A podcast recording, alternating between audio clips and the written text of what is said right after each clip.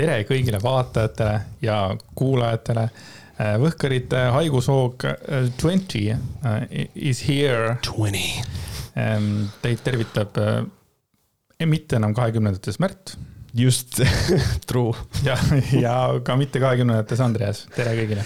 tervist, tere tulemast meie teisele suurele ümmargusele juubelile, milleks on kakskümmend. no Märt, kuidas siis tunne on? on the spot. Äh, väga äge, äh, mul on äh, täiesti selline, kuidas ma ütlen, heas mõttes rutiinne tegevus.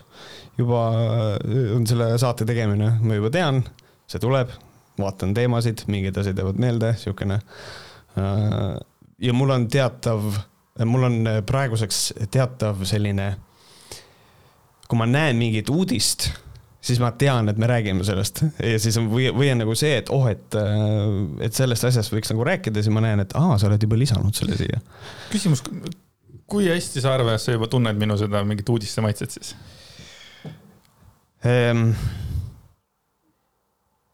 noh, selles mõttes, no mingi asi on täiesti ilmselge, sellepärast et äh, sa oled väga suur niisugune, kuidas ma ütlen, niisugune, et äh, sa tahad seda õiglus, õiglust, mis mõistetakse või õigust siis, et noh, see Venno Loosaare asi on üks asi, eks ole, see oli kohe teada, okei okay,, nii kui see uudis tuli, et sellest me räägime. aga üldiselt kõik siuksed ähm,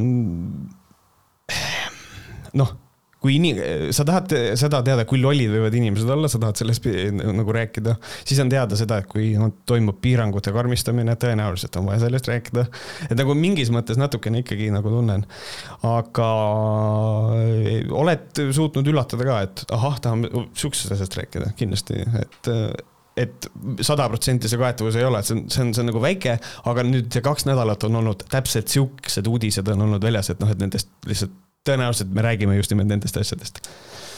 True, true, nii on, kusjuures äh, ma hakkasin mõtlema siin üks päev äh,, see oli pühapäeval tuli vist ETV kahe pealt äh, tuli Anne Veski saade ja siis seal oli mingisugune kümme aastat vana saade. ja siis äh, Margus Saar oli seal saatejuhiks. ja ma vaatasin, et Margus Saar, siis mul tuli meelde, et äh, kui üheksakümnendal aastal Margus Saar tuli äh, ETV-sse, siis iga kord, kui ta tuli ekraanile, siis mul ema ütles, et mine koju. mine koju noh, talle ei meeldinud Margus Saar. Yeah,, yeah. ta oli sihuke, ta nägi välja nagu viplana, ma kohe jõuan selle looga Google'i. Äh,. siis äh,, siis see Anne Veski tütar, Kelly Veski, siis ma mäletan iga kord, kui see raadiost tuli, siis isa ütles talle, et no ta on ikka porgandi hääl, porgandi hääl. Ma, ma tead, kui palju linke ma kokku panin, miks ma selline olen? Nagu, nagu, nagu päris, ma, ma ei ole, ma ei ole mitte kunagi selle peale mõelnud, kuni ma selle Anne Veski saate peale täiesti juhuslikult sattusin. Ja siis tegelikult ka see kriitikameel on ikkagi tulnud mul Eh, kaasa, kui ka ma arvasin tegelikult, et see on mul ikkagi omandatud aastatega, aga noh, mingid asjad nagu tuli mingi flashback, lihtsalt siukene mm -hmm. väike, väike, väike huvitav mõte, et. no ja, eks siin on see ka, et minul on tihtipeale komme kuidagi ka see on asi, mida ma olen endast väga palju välja koukinud nagu nüüd aja jooksul, sellepärast et kuna ma tahan olla ise nagu võimalikult hea inimene, et teistel oleks ka võimalikult hea, sest ma leian seda, et inimeste nagu välimuse kallal nokkimine ei ole nagu okei okay. ja aga noh, näiteks äh, minu vanematelt on tulnud näiteks üks, äh, üks laulja äh, oli telekas ja siis mu ema ütles ta kohta kuidagi, no ma saan aru, see on kodune keskkond, see on niisugune nagu, nagu private language teema küll, aga nagu koduses keskkonnas, siis mu ema ütles, on ikka morda ja siis on nagu kuidagi nagu sealt ikka, ikkagi vaata, mõnes mõttes see nagu lapsele nagu normaliseerib seda, et noh, tegelikult on vist okei okay, ikkagi, kui inimene on kole ja ei meeldi, siis sa ütled selle välja. aga nagu mõnes mõttes, jaa, aga miks seda vaja on? issand, mul tuli üks asi veel meelde praegu sul rääkides äh,. mäletad, niisugune saatejuht oli, ta oli raadio DJ ja ta oli saatejuht ka, Elektra. jah saad aru, ma olin nagu Elektra tohutu fänn, ma, no Elektra oli minu jaoks üks väga seksikas naine aga mul isale ta ei meeldinud jälle, iga kord telekasse tuli, siis ta ütles, et no igatahes, et ta nägu on nagu teise mehe perse või midagi taolist, siis ma olin nagu, et nagu, mulle öeldi, mida sa ajad nagu, What the fuck, dad? ta nagu kümme kümnest, vaata, aga yeah. et, et see on jah huvitav. ei, noh, see on täpselt samamoodi, minu isa on ka mingisuguse ah,, mis asja, ma ei hakkagi teisest inimesest rääkima, seesama inimene, kelle kohta mu ema ütles, et on ikka morda. Minu arust see naine on ka ikka, ikka, ikka nagu, see on hmm,, see on nagu väga kena naine okay. ja nagu ma ei, ja siis ongi nagu see, et inimeste maitsed on nii erinevad. aga tihtipeale on naised kriitilisemad naistest isegi kui, kui, kui mehed. minu arust mehed näevad palju, palju, palju ilu, aga samas on nagu äh, mida koledam mees, seda, seda rohkem on öelda naiste kohta, see on jälle teine asi, mida ma olen märganud, et. nojah, sest et uh, hot take, see on nüüd see, et uh, kui mees on uh, nii-öelda kole, siis ta on kindlasti oma elus ilmselt äh, äh, võtnud vastu rohkem sellist, äh, kuidas ma ütlen, rejection'it, äratõukamist nagu ja siis ta on, tänapäeval on hea sõna selle kohta, see on incel. et ta on lihtsalt nagu nii pettunud naistes ja solvunud ja siis loomulikult siis, kui naine on natukene on, ei meeldi, siis kohe ei, see on et ja ma, ja mõnes mõttes ma arvan, et eks see võib-olla on naistel nagu samamoodi, kuigi noh, nüüd siin me räägime sellest, et et koledad mehed ja koledad naised, no ma nagu viitan sellele, et kas siis inimesed on koledad, aga noh, siin ongi see, et kui ühe inimese jaoks on teine inimene kole, siis you can't really help it, et noh, et jah, nagu pigem nägin seda mõned, mõned ajad tagasi, kui ma võib-olla rohkem inimestega suhtlesin, aga see ei ole koroonaga seotud, lihtsalt ütleme, hängisin rohkem mingi seltskonda, siis olid alati need kõige, ma ei tea, kõige, kõige nõmedamad persena paksud tüübid olid, see oli küll, too, toda ei paneks, toda, jah, aga sa ei saakski nendega isegi rääkida, vaata, mul alati mõte käis, et kes oled sina ütlema tolle, tolle naise kohta isegi meie juuresolekul nagu mm -hmm.. noh, rääkima sellest, et noh, ilmselgelt ei olegi tegelikult see okei okay,, aga noh, ajadelt teised, aga no üleüldse. jah. lihtsalt sihuke väike nüüd rääkides asjadest, mis ei ole okei okay,, räägime sellest Venno Loosaarest ikka kiirelt ära, saad mm, -hmm. saad südamelt ära, et sa siin tükk aega ikka küsisid, et miks ei räägita Venno Loosaarest, miks ei ole ja nüüd siis palun, tuleb mm -hmm. välja, et äh, et siis äh, ringkonnaprokurör siis äh, nõudis Loosaare süüdimõistmist. Ja nüüd on siis asi nii kaugel, et ta ikkagi tahab ta nagu vangi saata. ja ta viieks aastaks vangi saata, aga see on jälle see mingi klausel, et millest tal tuleb kohe vanglas ära kanda neli kuud mm. -hmm. ja siis karistuse ülejäänud osa palus prokurör talle mõista tingimisi viieaastase katseajaga selles mõttes mul on hea meel, et see lugu on jälle tuli ülesse mm. -hmm. nagu ma aru saan, siis kolmkümmend märts vist tuleb mingisugune otsus sealt, ma loodan, et tuleb mm. -hmm. ja, ja, ja noh, see, kui olekski, kui oleks niimoodi, et saaks viis aastat ja kasvõi neli kuud äh, nagu kinni istuda, see oleks ka minu jaoks, see oleks õiglus mm -hmm.. noh. jah, no see siin ma tean, meil kommentaaridesse ka kirjutatakse seda, et, et see et see süüdistus seksuaalses väärkohtlemises, et see on mingisuguse perekonna kättemaks, et seal ta tegelikult ei ole, et see on vale ja kõike seda. Ja, ja ütlen ausalt, ma tõstan kaks kätt üles ja ütlen, ma ei saa seda teada ja kui inimene ütleb, et tema on kuidagi nende inimestega seotud Loosaarega ja ta nagu tunneb teda, et see on kättemaks ja kõik mingi, ma ei tea, mille eest, on ju, siis ma tõstan jällegi tõstan kaks kätt üles ütlen, võib-olla. aga tal oli lastepornod kodus selle eest võiks nagu vähemalt inimest karistada, et nagu see ei ole lubatud, see on nagu no, no, no. oota, oota, kui tulevad kommentaarid, jah, aga Venno ei teadnud, et nad on alla mingi kuueteistaastased või kaheksateistaastased seal videodes bla, bla, bla.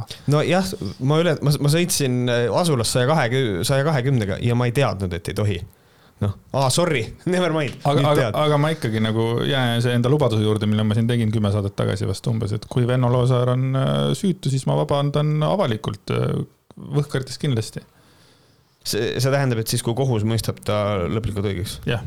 Sure, jah. selles mõttes, et siis ma nagu ei saa käia näpuga näitamas, et hetkel ma arvan, et ta on padusüüdi ja ta peaks kinni istuma ammu juba. Mm. -hmm ja siis võib-olla mainida see ka ära, et tal oli tegelikult ikkagi ka mingi sileraudne püss kodus ja väga paljud, äh, ma näen, et inimesed ütlevad, et mis siis on ja, ja nagu ja, aga meil on vaja relvaluba, et omada silleraudset püssi ja, ja. mis aga... on silleraudne püss, sina kui näitleja arvatavasti oled sellega kokku puutunud? Äh, silleraudne püss. või noh, selles mõttes selle kujuga või mina ei tea üldse püssist midagi. Äh, silleraudne, see tähendab, et tal ei ole vintrauda still no ring, still ring no bell. et, et ühesõnaga, ega ma täpselt ei teagi, aga nagu põhimõte on selles, et, et kui muidu on relval on vint sees, ehk siis ta lükkab kuuli nagu keerlema, siis sellele sileraudnides ta ilmselt seda ei tee. Aga noh, see on niisugune veider detail muidugi, aga nagu selles mõttes, et ikkagi ei tohi omada seda püssi, et selle jaoks on vaja relvaluba ja vahet ei ole, kas see on isast maha jäänud või emast maha jäänud või vanaisast maha jäänud, kui sul ei ole luba relva omada, siis ei ole okei. Okay.. et noh, ma ei tea. jah, niimoodi tundub ikka väga creepy, vaata, kõigepealt ähvardab kümneaastast, siis tal on hunnik lapsepornot ja relv on veel käes, onju, nagu jah, aga noh, see selleks. aga ma loodan, et, et, et see asi laheneb ja siis me saame teada, kas Andres peab ütlema sorry või mitte. Jaa, ja siis oli äh, järgmine meie, kellel me pilku peal hoiame, on muidugi Aivar Mäe, kes äh, mõisteti õigeks. jah, mul esimene mõte oli küll, et nagu tegelikult veits nagu bullshit muidugi, aga ja. siis äh, õnneks see eile tuli uudis, et see otsustatakse, otsustatakse jah, edasi kaevata Harju maakohtu oot-oot-oot, Pao otsus, otsustas PPPA otsustas kaevata edasi Harju maakohtu otsuse, millega tühistati Rahvusooper Estonia endisele juhile Aivar Mäele seksuaalse ahistamise eest määratud neljasajane eurone väärteotrahv, trahv, mis toimub, oota, ma pean veits nagu. You can do it. sõnad on sassis kõik. väärteotrahv. väärteotrahv, jah. just, et ähm, põhimõtteliselt mõisteti sii-, talle tühistati see trahv sellepärast, et äh, puudus objektiivne koosseis ja kohus ei tuvastanud, et Mäe teod oleksid olnud kannatanu tahtevastased ja tema käitumise tagajärjeks oleks olnud kannatanu inimväärikuse alandamine. What, tegelikult... what do you think of that? Noh? ma ei tea, see on nii kuradi raske, sellepärast nagu selles mõttes, kuidas üldse saab kohus nagu me ei näe teisi inimesi sisse, et noh, et selles mõttes, et kas tema inimväärikust on alandatud, et kuidas, see on veits nagu ähm, ütleme näiteks täiesti suvalise, loon täiesti, täiesti suvalise näite, et näit-, oletame, et on inimene, kelle nimi on näiteks, ma ei tea, Vairo Laivoog näiteks. ja et keegi on öelnud, et ta mõtleb näiteks geiseksile ja siis ta läheb kohtusse, et tõestada, et ta ei mõtle geiseksile, noh, umbes mingi selline äh, selline nagu, et, et see tundub nii kummaline asi, et äh, ja et polnud objektiivset koosseisu, et siis noh, ma ei tea, mul on hea meel, et Politsei- ja Piirivalveamet nagu selle asja edasi kaebas, sellepärast et noh, ilmselgelt ei olda selle asjaga nagu rahul äh,. aga teisest küljest seda ongi jube raske tõestada.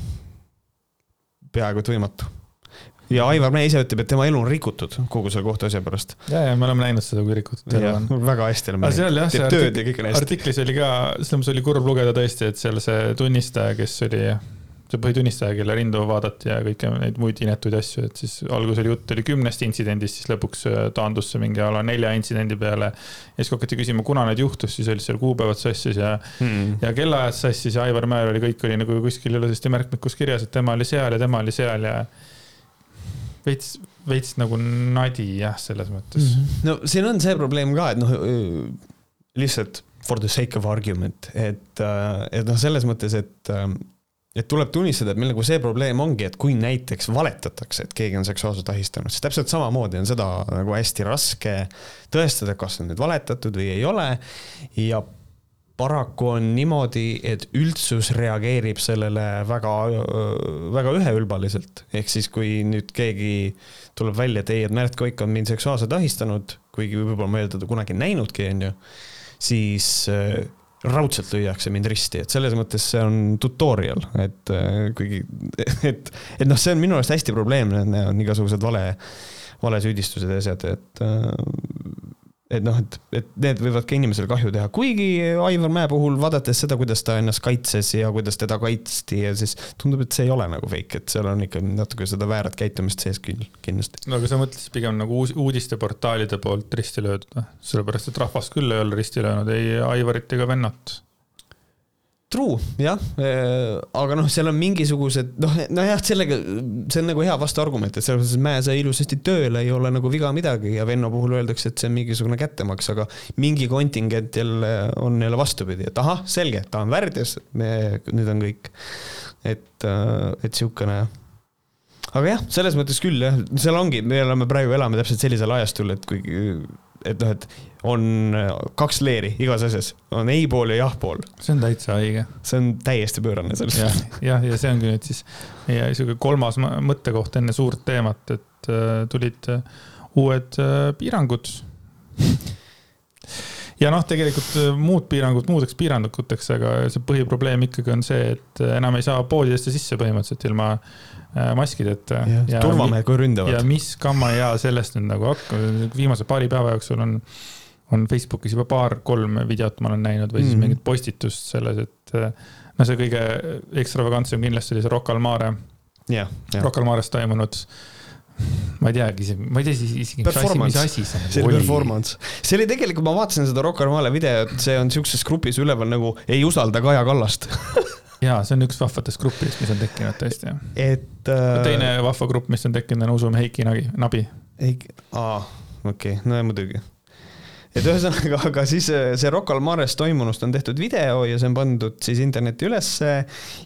algust seal peal ei ole, video, põhimõtteliselt on see, et väideti, et see mees, kes keeldus maski ette panemast, et ta lõi äh, turvatöötajaid, video peal seda näha ei ole.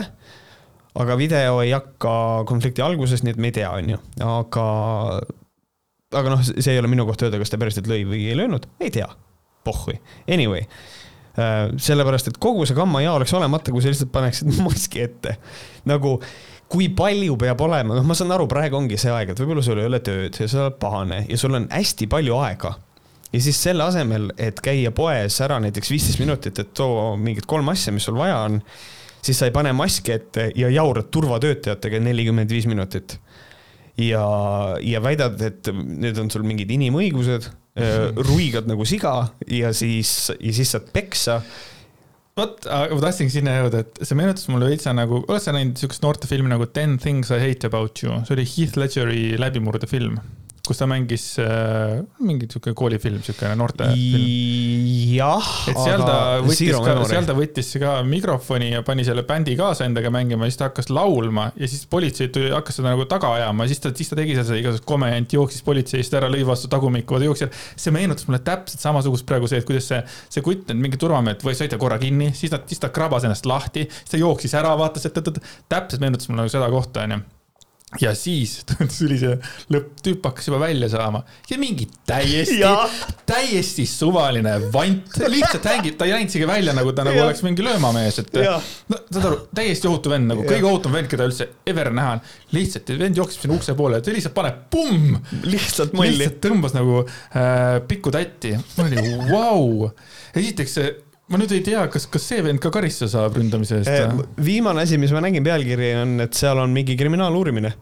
juba selle kumma, kumma, kumma vastu siis? ei saanud aru ma ei saanud aru, et eh, aga, aga see võib olla juba selle lööja eh, suunas ka nagu, sellepärast et eh, see oli ebaproportsionaalne, et selles mõttes oleks võinud teda kuidagi teistmoodi nagu peatada, mitte et sa paned kohe pohhui, lihtsalt mm. nekku. et see oli veits nagu liiale minek ja teine asi on see mul on nendest turvatöötajatest hästi kahju. aga mulle jäi mulje, et neil ei ole nagu väljaõpet veits äh.... see oli nagu veits kummaline. ma just tahtsin seda lisada, et minu arust it is very shit time to be kuradi ma poe turvamees praegu. varem oli nagu selles mõttes nagu chill, sa hängisid seal onju, see lihtsalt noh, ma ei tea, lükkas vahepeal mõne käru ära, võib-olla ma alahindan seda tööd, aga mulle tundub võib-olla, et poe turvamehe nagu see kohustus ei ole väga laiad, et võib-olla mõnikord märkab mingit varast ja siis võib-olla korra küsib, et kuidas teil on, mida iganes. aga mm -hmm. praegu praegu tal tuleb olla siis põhimõtteliselt ukse peal ja öelda vennale, et sa ei lähe sisse mm. -hmm. tüüp ütleb, lähen küll yeah.. no ei lähe. ja siis hakkab mingisugune kamma hea käima seal mm. -hmm. kõige naljakam selle äh, ma nägin ka mingit Facebooki postitust, mis jagati, et äh, juba kuskil grupis äh, organiseeritakse nagu, et lähme nüüd sellel ajal sinna poodi kahekümnekesi, nad ei saa meile midagi teha, lähme ostame maskidega. sa, saad aru, kus me oleme jõudnud või? me oleme jõudnud sinna. see on terrorism veits. paneme veid, noh minul, ma ei saa ka sellest aru, et, et noh, mina nüüd siin paar kuud tagasi, kui me rääkisime sellest, ma ei olnud ka maski pooldaja, onju. mulle jõudis see üks hetk kohale, küll sinuga rääkides, küll üldisest nagu, küll asjadest aru saades lõpuks, et, et kui ma lähen poodi, noh, kümme-viisteist on maksimum kolmkümmend minutit, kui ma teen nädalase poeskäigu.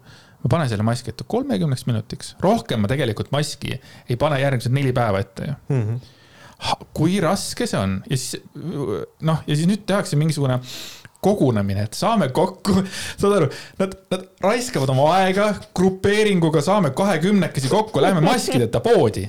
mida perset, mis, mis toimub? kas sul ei ole nagu kodus mitte midagi teha või mis on nagu probleem, ma nagu ei saa sellest aru, see on täiesti, täiesti arusaamatu ja siis ma vaatasin nagu mingisuguseid neid argumentatsioone ka, et küll on inimestel põhiõigused ja, ja et neid eh, rikutakse, minu põhiõigusi ja siis mul on see, et lugupeetud härra või proua põhiõigus ähm, kui sa lähed kaubamajja või, või ma ei tea, Prismasse või, see on eravaldus. see ei ole avalik ruum, sa arvad, et see on avalik ruum, aga ei, see on eravaldus, mis on avalikkusele avatud. selles mõttes ja neil on täielik õigus nõuda, et pane mask ette ja siis tuleb selline argument, oota, aga eh, kui nad siis nõuavad mu käest seda, et ma pean, ma pean olema alasti, kas ma siis pean alasti olema või? jaa. aga siis neil ei ole enam äh, kliente sellepärast, et ja te, miks sa peaksid nõudma, kui me räägime sellest, et meil on fucking pandeemia, siis nagu maski nagu. ei, kas sa, ei saa aru, siin ongi nagu kaks, siin on need kaks leeri, üks ütleb, et siin nagu toimub midagi oleme nüüd, oleme nüüd nagu natuke normaalsemad, aga teine leer ütleb, et koroonat ei ole olemas ja me oleme, me oleme aasta hiljem, oleme ikka veel siinsamas. Ameerikas on mingi viissada tuhat inimest ära surnud, on ju, noh nagu, nagu päriselt mm. -hmm. vahet ei ole, kas see on koroona tõttu või koroonas see, on ju ja siis tuuakse ainult neid, neid numbreid, et ma, ma, ma ei viitsi sellesse, sellesse tegelikult süvenedagi. aga mul tegi nalja see, et siis, kui see, see, see Selveri teema oli esimene, et Selver tegi selle, et ei olnud inimest, siis oli kohe all olid kommentaarid. no Selverisse ei ja, lähe, umbes tuhat laiki. siis tuli Prisma, siis tulid järgmised. kus sa nüüd poes käid? aga ma tean, kus poes käiakse, näiteks äh, see kuradi äh, Rannamaja Toomas kes on suur Telegrami fänn, tema pani oma story'sse, et ta läks äh, Selverisse, ta ei lastud sisse, kuna ta maski ette ei pannud ja siis ta läks Maximasse et selles mõttes hetkel on see Maxima on see mingisugune koht veel täna, täna, täna on teine märts. teisel märtsil vähemalt on veel äh, Maxima see, mis laseb, aa, seal vist ei pidavat turvamehi olema, midagi taolist mm. -hmm aga me ei lähe Selverisse, siis mul oli siuke tunne, et noh, loen kommentaare, mõtlen, Jaan, kõik tahagi sind, suva, ära mine. sina jääd nälga mm, -hmm. sina jääd nälga, mitte, mitte Selver sellest nagu ühest kliendist ilma nüüd mingiks ajaks, noh mm. -hmm. ja see maski vastasus.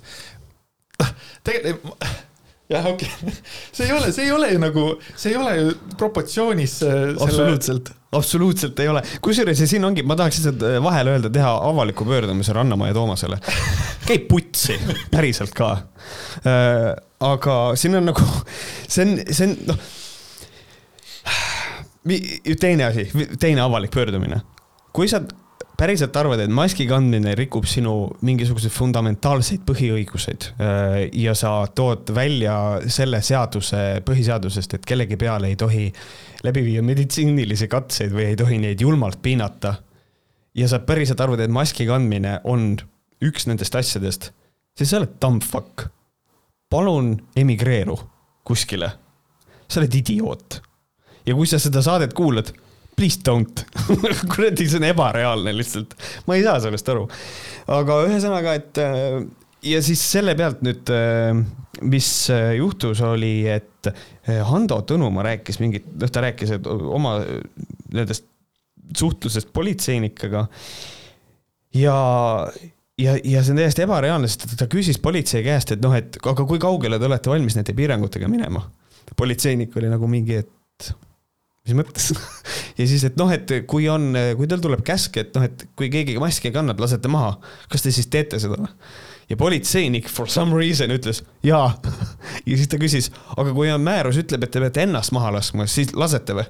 ja siis oli nagu kirjutatud Telegramis, et politseinik nagu kohkus ära, kõhkles ja siis ütles jaa ja siis Tõnumaa kirjutas nagu selle pealt äh, Telegrami, et nagu miks seal töötavad nagu psühhopaadid Eesti politseis, et nad on valmis iseennast ja teisi maha laskma.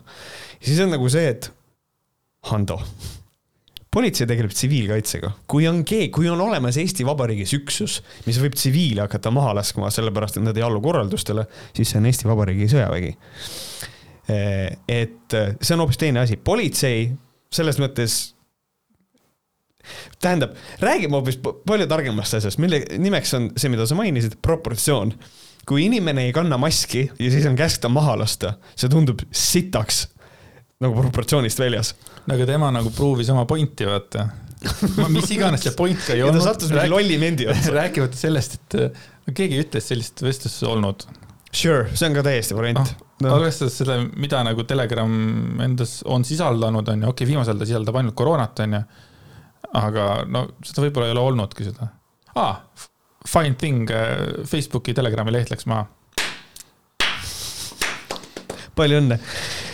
selles mõttes, et jaa, et Facebook otsustas siin äh, tegeleda sellega, et natukene puhastada siis fake news'i ja siis äh, Telegram oli nimekirjas ja seda enam ei ole.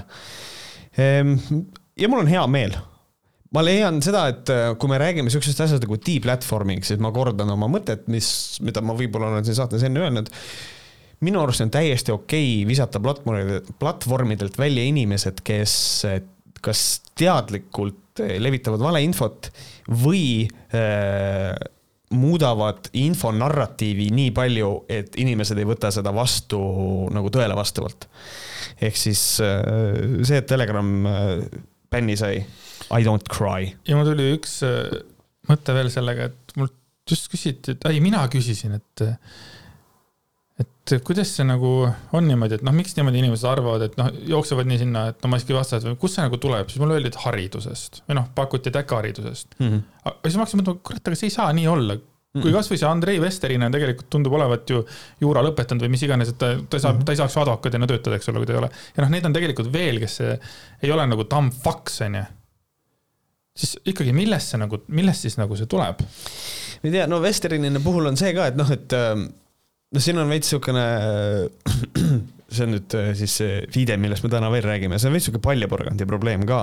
et ta on võib-olla mingil alal, ta on teadlik inimene, et, et siin nagu see variant on, pluss siin on nagu see, et mis vahe on äh, inimesel, kes on noh, et nii-öelda kui sa oled äh, nagu advokaat või jurist, mis vahe seal on? siis on see, et äh, jurist oled sa siis, kui sa oled omandanud hariduse. advokaat on siis, kui sa töötad advokaadina ja sul on luba seda teha. ehk siis äh, siin on nagu. mina ei saaks advokaadina töötada. ei no jaa, aga siin on, ma pean just nimelt seda silmas, et inimene võib olla juurat õppinud ja ta on omandanud äh, juristi kutse nagu, aga ta ei tööta advokaadina sest et ta on loll näiteks või ta, et nagu selles mõttes Vesterinen võib-olla tal on juristiharidus tal on võib-olla, ta on kuidagi saanud selle loa, et olla, aga see, kas ta on hea advokaat, we don't know that, et nagu selles mõttes, et see on niisugune. ja siit me nüüd jõuamegi sinna, et ma mõnes mõttes arvan seda, et seal taga on, et okei okay,, seal on rumalaid inimesi, maskivastaseid, aga seal on ka organiseerinud ennast inimesed, kes leiavad sealt viisi, kuidas raha teenida.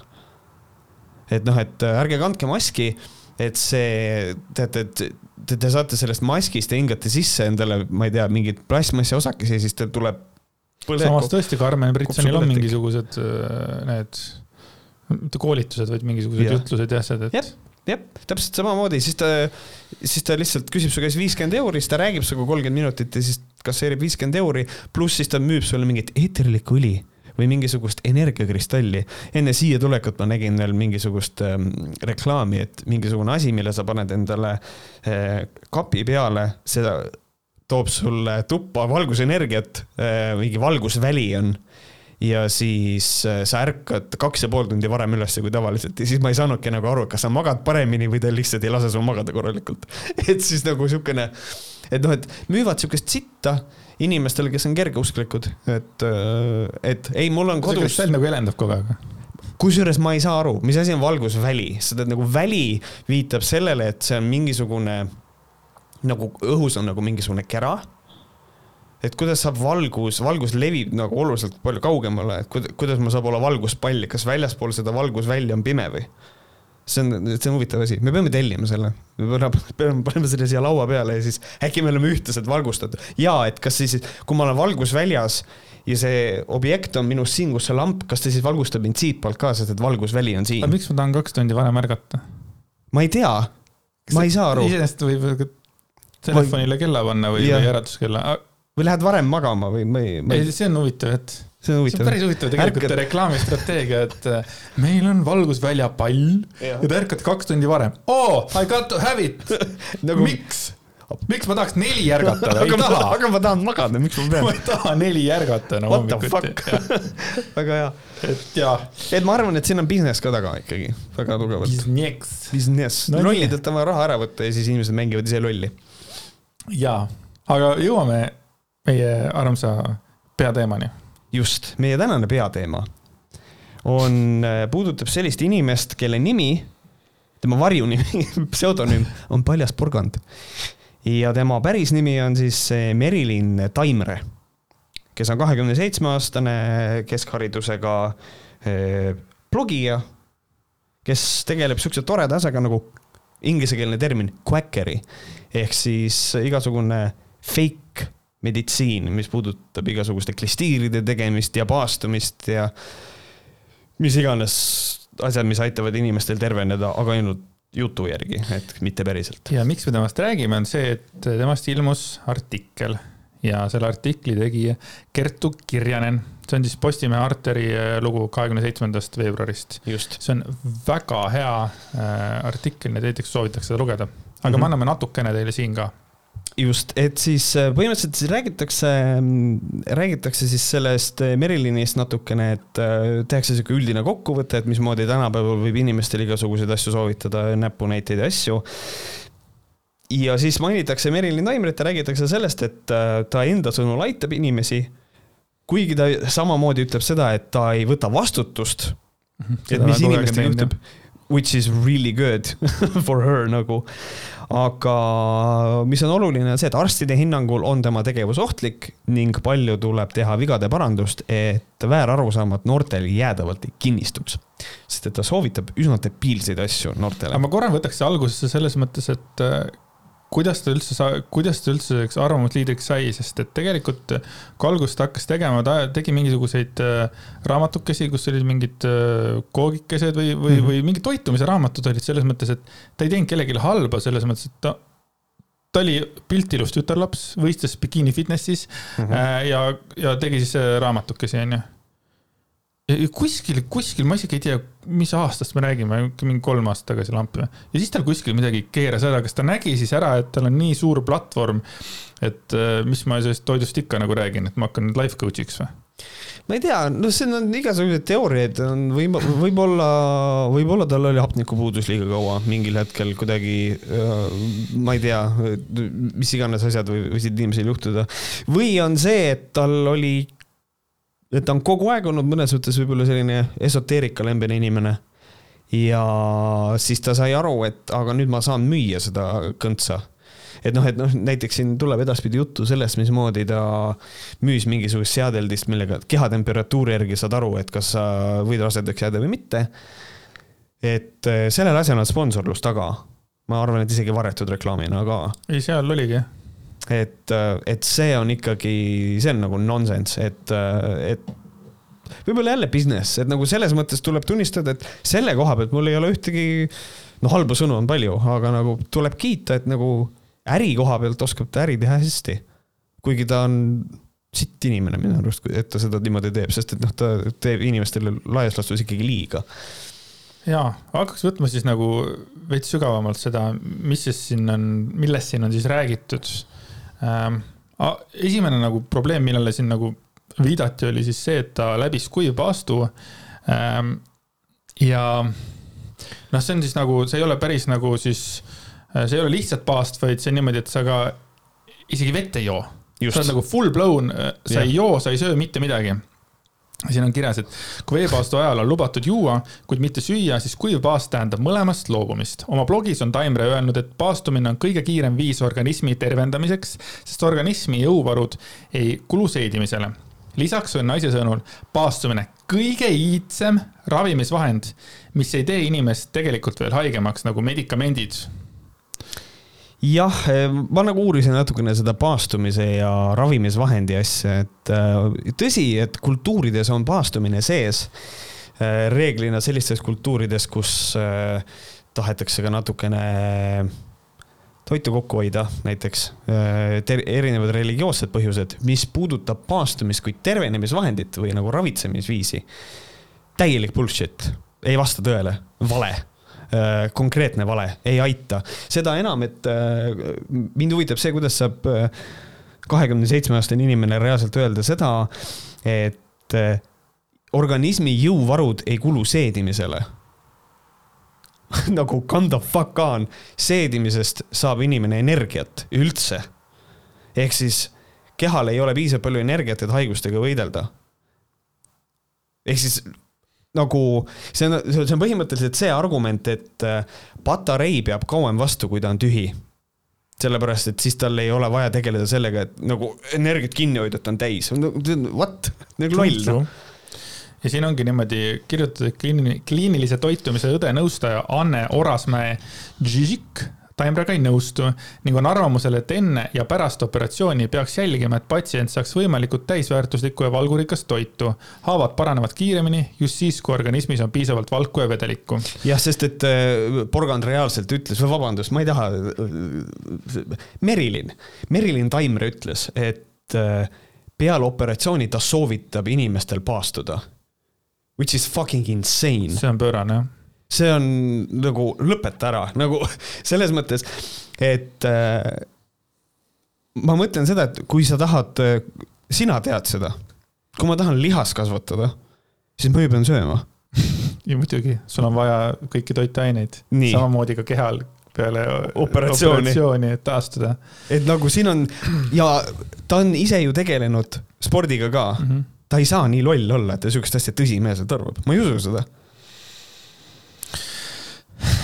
Või, või ta käis mingis laagris, mingisuguses äh, esoteerikalaagris ja siis nad oodati, kuni kõik osalejad jäid magama ja siis kõigile anti haamriga pähe isa soovitusel. ja, ja pärast seda on kõik, jaa, ma ei söö ega joo ja siis ma tervenen kiiremini. ma ei tea, kust, kust see loogika nagu tuleb nagu, et nagu ma ei, ma isegi ei pea, ma isegi ei pea omama mingisugust vastavat haridust, et mõelda sellele, et kui mul on ikkagi nagu vaja energiat, siis ma söön nagu ma söön. Aga see läheb edasi, kas see ei ole kõik veel äh,?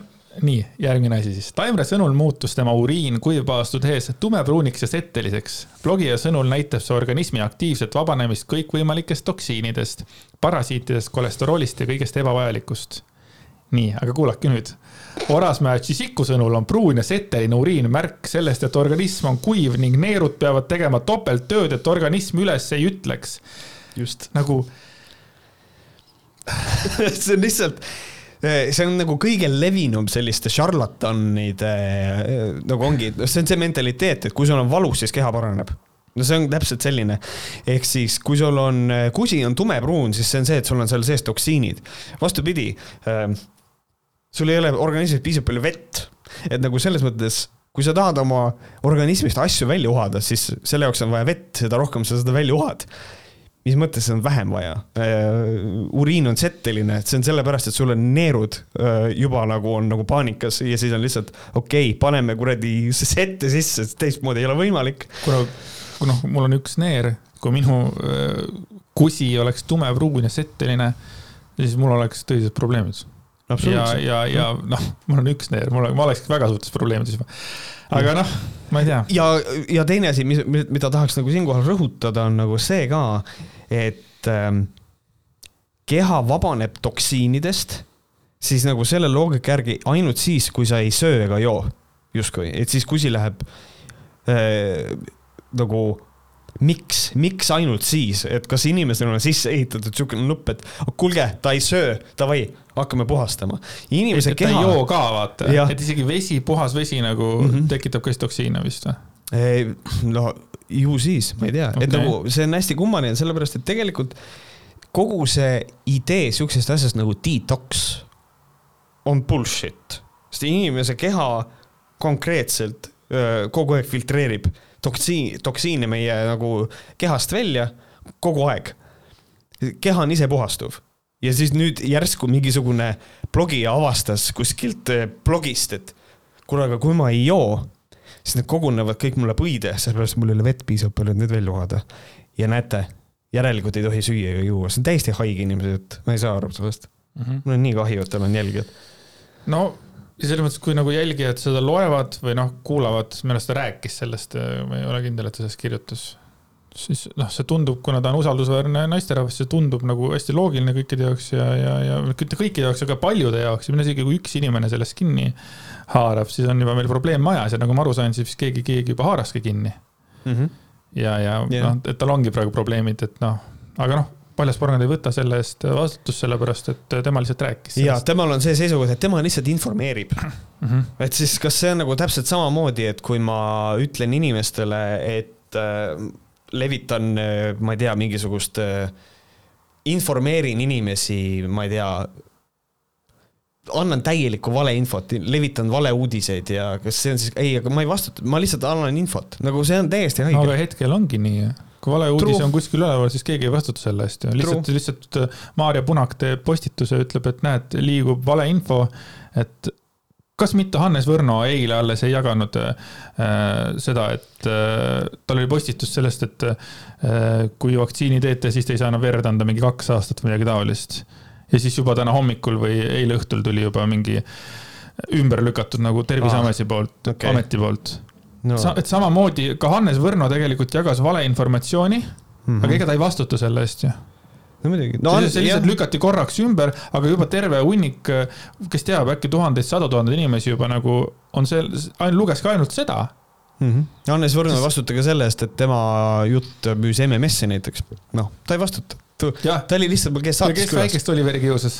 Hannes Võrno, ei vastuta. väike Oliver, kuradi narkar praegu. ta esitas küsimusi, ta esitas küsimusi. võib-olla ei ole, sorry, väike Oliver nüüd, mille, mis mul meelde tuli, mida ma tahan kindlasti mainida, on see, et kui see Postimehe artikkel välja tuli, siis mingil põhjusel, mis võib-olla on võib-olla kriitika mõttes hea artikli kokkupanijale, mitte siis ilmselt Kertule, ma arvan, et see on pigem toimetaja töö juba. Selline asi, et eh, see suur artikli päis oli paljas porgandis, kus ta kandis eh, ainult nagu pesu ja siis ta ütles, et paljas porgand oli pahane selle peale, vabandust, Merilin Taimre oli selle peale pahane natukene, et miks tast selline pilt pandi, et ta ei ole ammu juba selline inimene, andis nagu mõista, et ta on nüüd muutunud ja siis ma, ja siis mul oli nagu esimene mõte kohe, et davai, tšekime, ja siis ma läksin ta blogisse, läksin paljasporgand.ee ja nägin, et ta on pannud äh, kümnendal novembril äh, ülesse postituse, tegin läbi kuivpaastu, kus ta on aluspesus. see oli huvitav, ta ütles, et ma ei ole enam ammu selline inimene nagu targem, mõistlikum. samas nagu ja. võiks ka selle juurde, noh, võiks korra selle peale mõelda, kui sa oled avaliku te elu tegelane ja kõik, mis sa ju postitad nii piltide kui teksti mõttes, siis see nagu jääb ju sinna ülesse mm. -hmm. ma olen Poljas Porgandiga üks kord elus kohtunud issand, ma tunnen kaasa. ei, ei kuule, see on tegelikult väga armas lugu tegelikult. aasta oli kaks tuhat kuusteist ja ta võistleski Bikini Fitnessis, siis ta oli lihtsalt äh, imeilus äh, blogija või mitte blogija, vaid võib-olla blogis ka, aga tegi neid raamatuid ja ta võitis, no minu jaoks ta oli Bikini Fitnessist. ilus tüdruk oli ja vaatasin ka võistlust seal, äkki ma olin isegi mingi treeneri või kohtunikuna seal ja läksin siis korraks nagu sealt äh, välja sealt sellest kohast, kus see võistlus toimus ja siis läksin uksest välja, oo, paljasporgand oli see, ma ei tea, kas ta oli seal ema, isa või, või, või paari tuttavaga. ma läksin sinna, ütlesin, et äh, tere, paljasporgand, et teeks pilti. lihtsalt teeks pilti mm -hmm., ilus tüdruk oli. ja see oli nii armas, et tal oli alguses hommikumantel peal ja nii mõtlesin, et teeks pilti, ta võttis kohe hommikumantel maha ja siis tal oli noh, see noh, bikini fitnessi, vaata need mm -hmm. riietus, väga ilus pilt tuli. väga, ta oli väga nunnu, väga armas ja tegime ka koos, koos pilti. selles mõttes, et äh, mul on Maljas Porgandiga pilt. rohkem temaga rääkinud ei ole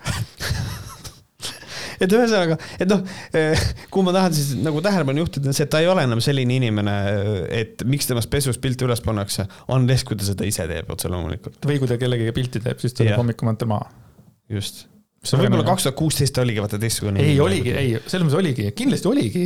absoluutselt, ma olin, ma olen ka täna teistsugune, nagu ma olin eile jah, ja sa oled tegelikult ise ka öelnud, et kui praegu keegi küsiks või noh, süüdistaks sind mingites ütlustes, siis äh, ka sina sooviksid, et sinu käest küsitakse, mida sa praegu mõtled mm. -hmm oli ju, vaata, et me rääkisime see blackface'i teema, aga praegu me ei räägi tegelikult sellest, mida ta mõtles, vaid, vaid küsimus oli selles, et pildis, et miks mm -hmm. see pilt on pandud. no jah, sellepärast, et paljas sest, porgand. sest et ta on ja teine asi, teine asi, ta veits oli ta bränd väga pikka aega jaa, see oligi absoluutselt. Nagu... ega, ega need jälgijad ei tulnud ainult sellepärast, et ta, ta toiduraamatuid tegi. jah, ja, ja, ja, ja teine asi on see ka, et tegelikult ka nagu retoorilises võtmes on sitaks hea vabandus alati öelda seda, aga ma olin siis hoopis teistsugune inimene.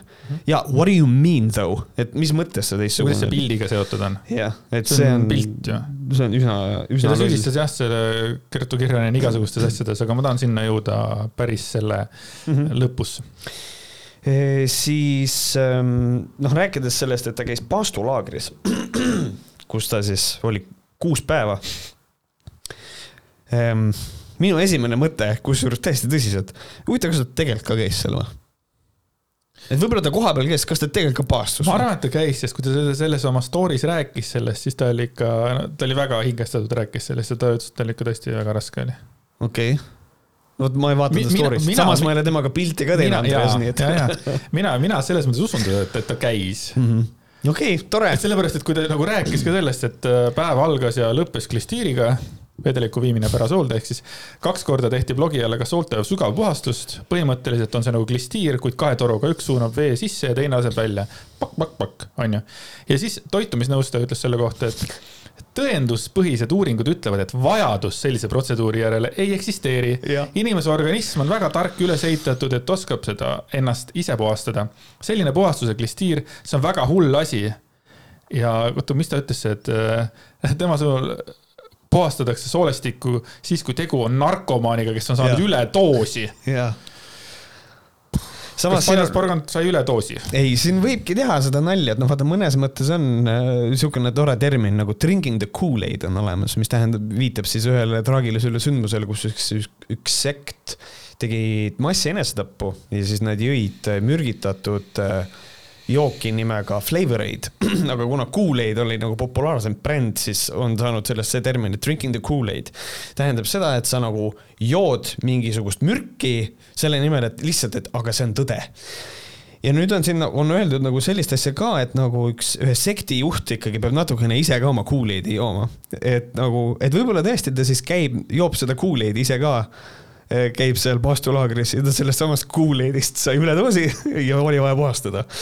et äh, täiesti, täiesti võimalik. Ja siin on lihtsalt, et saaks mainitud, et tegelikult äh, sellised äh, süvapuhastused, selle kohta ütle, öeldakse siis seda, et sa, see tegelikult traumeerib limaskesta ja lõpptagajärg võib olla vähk. Et kahjustada võivad saada see, kuidas toitained organismi imenduvad, olen praktikas näinud selliseid inimesi ja nad peavad äh, Eh, edasi elama nii, et eh, anname neile toitu veini kaudu. Eh, noh, mõnes mõttes, kui sa teed endale kogu aeg klistiiri ja siis sa ei saa enam toitaineid imenduda ja siis sa kuivad nagu kokku, siis ongi, ah näe, töötab, ma olen kõhn. But actually you are fucking dying, nagu. nagu see on nii perses aga see üledoosi asi on tore. aga huvitav, klistiiri tegijad, kas need nagu küsivad ka midagi või lihtsalt lähed lükkad sinna ütled davai, lükake mul nüüd sisse, teeme klistiiri ja siis jääd hommikul tagasi, teeme uuesti. ta ütles hommikul, ta oli kuu, oot-oot-oot-oot-oot. ta oli õhtul. kuus päeva seal. päev algas ja lõppes klistiiriga. vähemalt. ta tegi kaksteist korda klistiiri. vähemalt kaksteist klistiiri. okei okay huvitav, kas ta on neid kuradi kohviklistiire ka teinud, kus seda tehakse äh, nagu kohviga, hästi kange kohviga ja siis sul tuleb energialaks sellepärast, et instead of drinking your coffee, you put it up your bum hmm.. see on nagu. ma ei ole seda ma ei ole, ma ei ole seda teinud. ja mulle meeldib see ka, kuidas ta on konkreetselt nagu otsene löök lihtsalt kõhtu küsimuse peale, kuidas sai blogija sooltest välja tulla toit, mis on aastaid soolestikus istunud vastab, vastab äh, siis Orasmäe Tšižik, et see polegi võimalik. tema hinnangul puuduvad Taimrel teadmised inimese füsioloogiast. ta ei tea, kuidas protsessid toimivad. täiesti no see, vot, vot see oli, see oli kõva. nagu selles mõttes. Tšižik on kõva. see on nagu väga hästi, et äh, sooltest välja tulla toit, mis on aastaid soolestikus istunud. How fucking stupid sa pead olema et sa reaalselt arvad, et sul on näiteks mingi kanafilee tükk soolestikus olnud kolm aastat. sellepärast, et see läheb roiskuma. nagu lõpeta ära, mis, või, või kas on inimene nagu, see kuidagi need toksiinid nagu kapselduvad ja siis see on nagu konserveeritud seal sees või? võib-olla, võib-olla sa saaks seda konserveeritud kana kuidagi müüa, mingi retseptiraamat võib-olla teha. minu konserveeritud kana ma ei tea ma kuidagi muutun hästi õelaks, aga puhtalt sellepärast, et nüüd me läheme selle peale, et ta ju ei usu, et depressioon on olemas. et see on nagu eriti Mm., eriti, eriti nõme. no see, sellest öö, olen mina rääkinud ja ma arvan, et see oli see teema, millega ta tegelikult all, see oli esimene teema, kus tegelikult ta võeti nagu veits pihtide vahele ja Jah. temast hakati nagu rääkima noh, teistmoodi kui lihtsalt mingisugusest öö, blogijast või mis asjast. nii, kuidas ta siis on öelnud? Liigagi paljud usuvad, et neil on depressioon, mina ei usu sellist asja nagu depressioon, sellist terminit ja haigust, minu jaoks seda ei ole olemas. depressioon ei ole midagi muud kui krooniline kurbus. ja siis noh, pluss siis oli see lause, mida siin ei ole kirjas, aga kus ta ütles ka seda, et kui minul, kui minul tuleb kurbus peale, siis ma lasen kurbuse enda sisse ja ma lasen selle kurbuse endast läbi. See on nii esoteeriline möla ongi see on nagu see, kui ähm,, see ei ole võrreldav, aga, aga see on mulle kusjuures ta tahtis selle kurbuse läbi lasta, aga sinna jäi see soolestikus Jaa. kana, kolm aastat kana jäi. ja see jäi kana külge kinni ja siis oligi, see oli, see kurbus oli üks nendest toksiinidest, mis tuleb välja, kui sa ei joo ega söö. See ongi see kuse sees, see sete, see ongi kurbus. et mulle on jätnud kustumata mulje see, kui me tegime, meil oli, kui ma õppisin näitlejaks, siis meil oli niisugune tund nagu Pilates ja siis me tegime Pilatest ja siis oli, et noh, et mingisugune kuradi pöörane asend oli vaja võtta ja siis öeldi ja nüüd te tunnete valu. nüüd lahustage see valu ära. siis mul oli, mida see tähendab, ma lahustan valu ära. ja siis oligi nagu, ma nagu selliseid esoteerilisi termineid väga. mis see tähendas siis? ma ei tea, ma ei tea siiamaani, sest et lahu, see valu ei lahustunud ja ma ei saanudki. lahu ei vahustunud. lahu ei vahustunud. et ähm, aga sul oli valus siis terve aeg? sul ta niimoodi ei lahustunud no ikka, ma olin, ma, sest et ma ei osanud lahustada, mul ei olnud lahustav valu. tere, sa ei näe üldse välja vend, kes nagu pilates teeb, okei okay.. Panni, panni järgi võib-olla võiks öelda, et sa oled seda, et noh, et sa teed pilatest ja, ja, Namaste. ja namaste oled, onju. But see on nagu viimane vend, kes nagu pilates teeks. Ja ei, ma, meil oli see näiteks õppimise juures oli Pilates oli, siis oli Feldenkrais ja siis oli, meil oli lihtsalt fitnessi trennid, lihtsalt sellepärast, et oleks, et, et, et noored teeks trenni ja et neil oleks võhma põhimõtteliselt sellega nagu teatrikoolis täitsa nagu tegeletakse niimoodi ja kui sa käisid seda püksid maha mm. -hmm. asja tegemas, sa tegid ka enne seda trenni või ei teinud või? ei, kas sinul ei ole probleeme võtta särk maha ja et ma olen see, kes ma olen ja et I m sure, ma olen kuidagi väga confident sellega või? ma olen suht confident oled confident? sest et äh, I don't care, keegi ütleb mulle, et sa ei näe välja nagu õige mees. issand, kui kahju, seda ütlevad tavaliselt teised mehed ja ma ei huvitu teiste meeste pilkudest, ma olen hetero, et äh, nagu ei lähe see nagu korda. ei mind see, seda Jah. see ei kotiga, ma just mõtlen, et sa oled, sina ise oled nagu confident, et kui sa oled ja nagu, ka, ja reeglina küll jah, see, see on väga äge. Et äh, see on nagu, see on nagu keegi Twitteris mingisugune idioot äh, vaatas presidendi seda vastuvõtushow'd ja siis seal oli üks number, kus kohas olid naised ja mehed olid ühtemoodi riides ja, ja, ja siis tema probleem oli selles, et kuidas, milline mees paneb ennast niimoodi riidesse, siis mul on, siis mul täiesti, mul jooksis joe kokku, et mis see sinu asi on, kui teine mees ennast riidesse paneb? vittu, millega sa tegeled? aga tagasi äh, järgmiste veidrate inimeste juurde ikkagi, et, et see depressiooni küsimus on minu arust hästi kummaline, et depressioon ei ole mitte midagi muud kui krooniline kurbus ja väga hea, Merilin, sa kirjeldad praegu depressiooni. see ongi krooniline kurbus. see ongi depressioon, et ähm, mida ma tahaks nüüd siin välja tuua, on see, et praegusel hetkel on ta- enam sellest depressioonist ei räägi niimoodi, et seda ei ole olemas vaid ähm, ta on, mille ma tahtsin äh, tuua välja, on see, et ähm, depressiooni põdevatele inimestele antidepressantide mittevõtmise soovitamist on Taimre sõnul valesti mõistetud ja ta ütleb seda, olen tänaseks video eemaldanud oma vaimse tervise säästmise nimel. Ja see on asi, millele ma tahtsin kindlasti tähelepanu juhtida, on see, mismoodi Merilin Taimre siinkohal teeb ennast ohvriks, et ta võtab video maha enda vaimse tervise nimel, aga kuidas on võimalik, et see video siis sinu vaimset tervist nagu lõhub, siis kommentaarides on asi või? ja kui see nagu lõhub, siis miks sa neid valusaid kommentaare endale sisse ei võta ja endast läbi ei lase? et äh, minu arust paljas porgand ei pea ise oma filosoofiast isegi mitte kinni. ei no võib-olla ta ei taha kurbust tunda. Kui see, kui depressioon on lihtsalt kurbus, mille ta läbi laseb vajuda, et äkki ta ei taha kurbust tunda, nagu mina ei taha haigeks jääda. ka mitte grippi ega millegisse muusse. ma ei tea, siis ma leian, et tema, ta ei tohiks rääkida asjadest, millest ta mitte munnigi ei tea, sorry. absoluutselt see on siukene. selle vastu ma ei. noh, siis, siis ta on öelnud ka, et mida iganes te teete, ärge võtke antidepressante. ma ei ole meditsiiniline doktor tegelikult. aga ma ei usu, et ravim saab muuta meie mõttemustreid või maailma. see oli minu jaoks sihuke päästik. ma ei usu, et ravim saab muuta meie mõttemustreid või maailma ja siis ma kirjutasin siia kõrvale siukse mõttekäigu, et meie mõttemustreid ja maailma mõjutab juba ibuprofeen ehk siis ma, ma tõestan sulle, et, et, et, et sa eksid. esiteks, depressioon tähendab seda, et inimese ajukeemias on mingisugune probleem ja antidepressandid aitavad ajukeemial paraneda mis sellest johtuvalt inimese mõttemustrid võivad muutuda ja nende mõttemaailm, kuigi mõttemustrid ja mõttemaailm minu arust suht sama asi, never mind um,. ehk siis jah, mõjutab küll otseselt. miks ma mainisin ibuprofeeni? kui sul on peavalu, siis sa reeglina ei suuda keskenduda nii hästi kui muidu. su pea valutab ja sa tegeled sellega, et fuck, et noh, mu pea valutab. siis sa võtad valuvaigistit, sa võtad ibuprofeeni ja peavalu läheb ära ja sa saad keskenduda paremini. mis tähendab, et ibuprofeen on kaudselt ikkagi muutnud sinu mõtteprotsessi. siinkohal üldine soovitus äh, paljale porgandile, kui sa kirjutad, siis mõtle ka natukene, nagu ürita, ma, ma, ma saan aru, ilmselt see on nagu pro probleem sinu jaoks, aga kui sa loogiliselt üritad mõelda, siis sa saad aru, et, et see jutt on loll lihtsalt ravimid saavad mõjutada. me, miks on muidu niimoodi, et äh, on mingitel ravimitel on kõrvaltoimed, on, et äh, võib tekkida depressioon, võivad tekkida enesetapumõtted.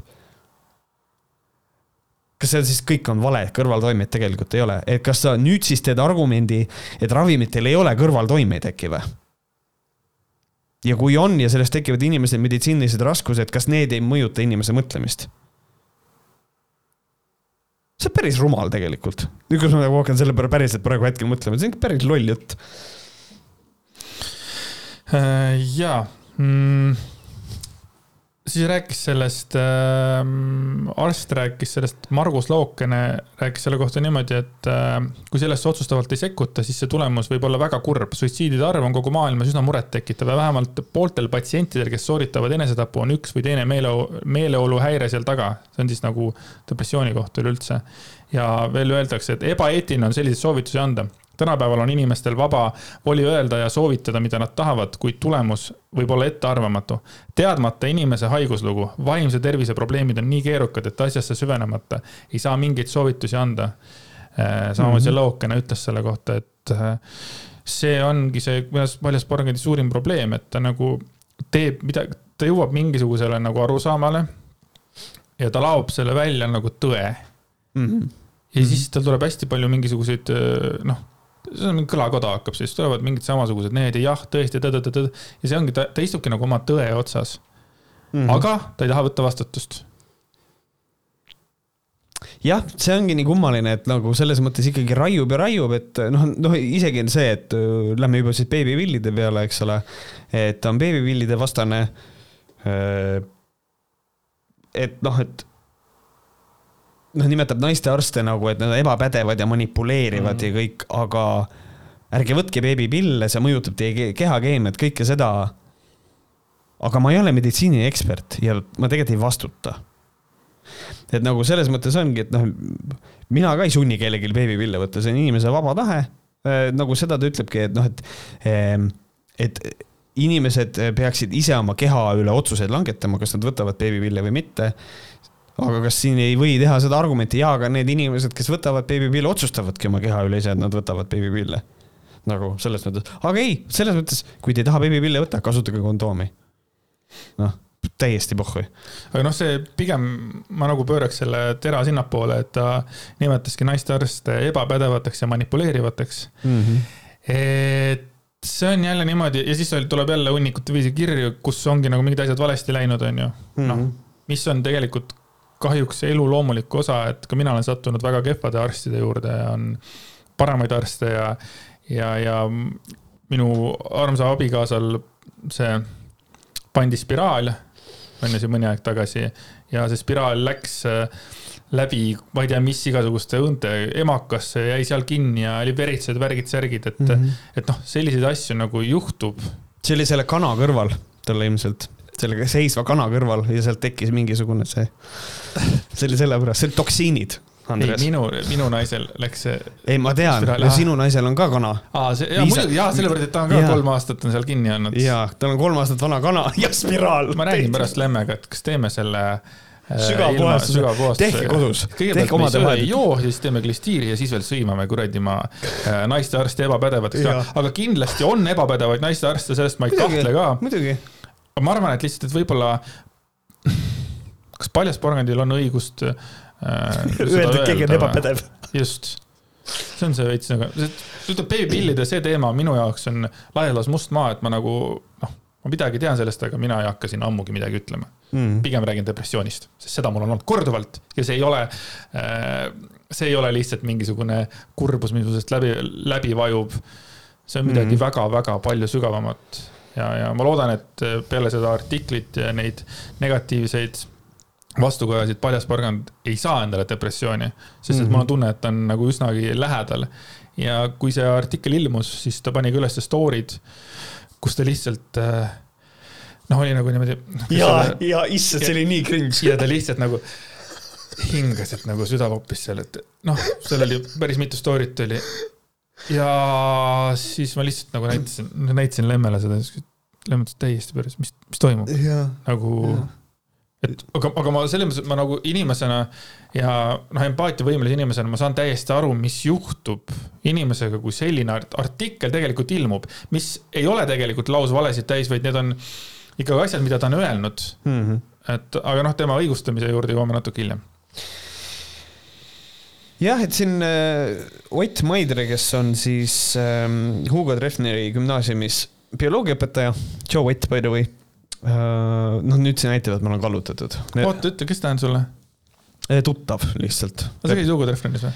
Ei, ta on ah, lihtsalt okay. läbi minu abikaasa tuttav mulle. aa, selles mõttes, okei okay. ja, ja siis põhimõtteliselt Ott Maidre, noh ütleb paljusid asju ja kõik on hästi tõene ja ma ei suuda aru saada, kuidas üldse on võimalik äh, paljast porgandit uskuda, aga mida mina tahan välja tuua, on see, et Ott Maidre, hästi oluline asi, kutsub üles ikkagi sellele, et allikakriitika on hästi oluline asi. artikkel tundub justkui usaldusväärne ja teaduslik, kuid tegelikult ta seda pole. ja nüüd mõtleme sammu edasi, et äh, mõni inimene loeb artiklit, aga ta ei ole allikakriitiline ja ta usub aga mõni inimene kuulab paljast porgandit ja ta arvab a priori, et porgand räägib ainult tõtt. kogu aeg. ja, ja see on nagu next level crazy juba minu jaoks. et sul on mingi blogija, kes äh, on muutunud inimene, kuigi ta postitab endast ikkagi neid paljad pilte, kuigi ta on nüüd muutunud inimene. täiesti teine inimene. ta on täiesti teine inimene. Body positivity ja kõik on hästi. kõik see teeb endale klistiiri ja kõike seda ja siis ütleb, et äh, depressiooni ei ole olemas. muuseas äh,, ta praegusel hetkel, ta on aru saanud sellest, et ta ei tohi öelda, et depressiooni ei ole olemas ja siis nii palju, kui ma olen aru saanud, ma vaatasin tal mingeid vanemaid arhiveeritud story sid, et tal on tegelikult praegu niisugune äh, asi, mis ta teeb, et ta kirjutab nagu depressioon või depression, ta paneb jutumärkidesse selle mis on üliklever, selles mõttes ma ei kahtle absoluutselt Palja Porgandi oskuses äh, mängida natukene sõnadega, see, selles on ta osav, huvitav, kus ta seda õppinud on ja siin on veel öeldud seda ka, et äh, kuigi Taimre on öelnud, et ei võta vastutust oma öeldu eest, peaks Maidre hinnangul äh, seda siiski tegema hmm.. sa võid ju oma käed puhtaks pühkida, mõelda, et see pole sinuga seotud, kõik teod on inimese enda valik. aga seos on siiski olemas. sama näide, kus Taimre soovitas mitte antidepressante võtta. noor, kellele need on määratud ja kes neid ei võta, see võib lumepalli veerema panna, ta lendab koolist välja, ta ei oska enam maailmaga suhestuda. see noore elu algusele väga suurt kahju ja seal võivad olla väga kurvad tagajärjed ja see oligi naljakas, et, et siis, kui see äh, artikkel ilmus, siis oli seal, kohe tuli mingi story ja siis oligi see, et, et mingi kõigepealt ma umbes rasestan jutumärkides inimesi, nüüd ma tapan ka neid ja siis see laughing out loud nendest silmadest välja tulevad mm. -hmm. miks selline iroonia? esiteks yeah. praegu paljast praegu sa oled perses. noh, selles mõttes, et see yeah., see kajastus ei ole positiivne. jah, su nimi on jälle kuskil üleval, aga kahjuks juba mingit kuuendat korda mitte enam positiivselt jah, see on, see on üli, ülirõve. mina mõtlen kogu aeg selle peale, ma olen varem ka seda öelnud, et kui inimene saab mingi jamaga hakkama mm -hmm. ja, ja siis ütleb, et äh, ma eksisin. näiteks selle, selle depressiooni puhul näiteks, et ütleks, et äh, ma, jah, ma tõesti aasta aega tagasi kirjutasin seda ja ma rääkisin sellest, aga ma eksisin. ma väga vabandan äh, selle postituse eest mm.. kõik, saad aru, ma ise läheks viiks ka porganid lille, ütleks tegelikult ka, vot see on äge, vot see on vastutustundlik, selles mõttes, et Own sa, it, sa, yeah. sa, sa võtsid selles mõttes lõpuks selle vastutuse, et sa ütlesid, et I fucked up, me kõik teeme vigu, mina teen vigu iga päev seitse tükki, onju. Äh, lihtsalt ütle, lihtsalt, lihtsalt tunnista, aga ei, nii kui see artikkel ära, enne artikli ilmumist ta pani selle suure blogipostituse, kus ta lihtsalt noh, õigustas ennast mingisugune kolm A3 või A4 või ma ei tea, ma ei tea, mitu lehekülge seal oli. lihtsalt õigustas, siis tulid need story'd, üks õigustamine, ironiseerimine ja siis hakkas see kõlakoda pihta, kus teda hakati toetama, siis olid ainult need story'd üleval, kus, kus seda toetati ja nii edasi. selles mõttes, aga noh, enne seda oli muidugi see hingamise fiasko on ju. lihtsalt sihuke. et, et lihtsalt äh, öelda, et jah ma tegin veits sitasti. siin on nagu see ka, et ma ise mõtlen äh,, mõtlen selle peale, et siuksed noh, sektide liidrid, sorry, noh, ma, nimetan seda mm ikkagi sektiks juba. et ega nad ise tihtipeale ma, ma just vaatasin Youtube'ist ka mingisugust dokki, nende igasuguste siukeste val-, need, kes toituvad valgusest ja kõik see, et nad on kõik vahele jäänud sellega, et nad on ikkagi käinud ise söömas ja ei toitu valgusest, noh, et nad valetavad. et nagu ma mõtlen seda, et täiesti. Eerik Orgu ka valetas jah, muidugi sõi kooki raisak. Eesti elab valedes. et ma ise nagu mõtlen seda, et huvitav, et noh, kui palju ta ise nagu sellest kõigest tegelikult kinni peab, et noh, et seal peab mingisugune performance olema, et, et mina tahaks näha seda. huvitav, kas noh, et ma tahaks näha seda, et kuus päeva, et kas oleks võimalik teha ülekanne nagu, et äh, kaks, kakskümmend neli seitse on ülekanne, kuidas sa teed endale iga päeva alguses ja lõpus klistiiri. ma ei taha nagu seda osa otseselt näha, selles mõttes. aga et sulle tehakse seda klistiiri, ma tahan su nägu näha ja kas sul tegelikult ka on see, et su neerud ei jutu ülesse või?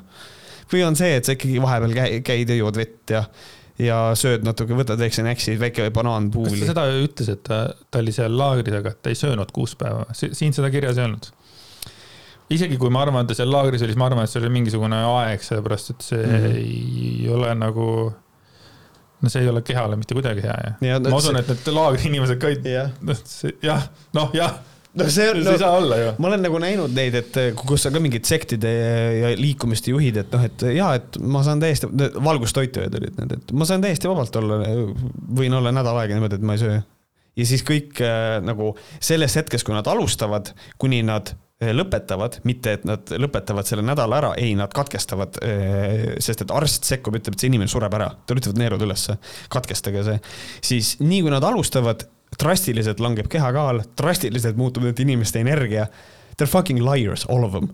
et äh, aga selles mõttes minu arust võiks olla mingisugune otseülekanne, mingi või, või teha nagu teha, teha meedias see korralik äh, paljaporgandi challenge ja siis challenge on vaadata, kas paljas porgand sureb ära või ei sure.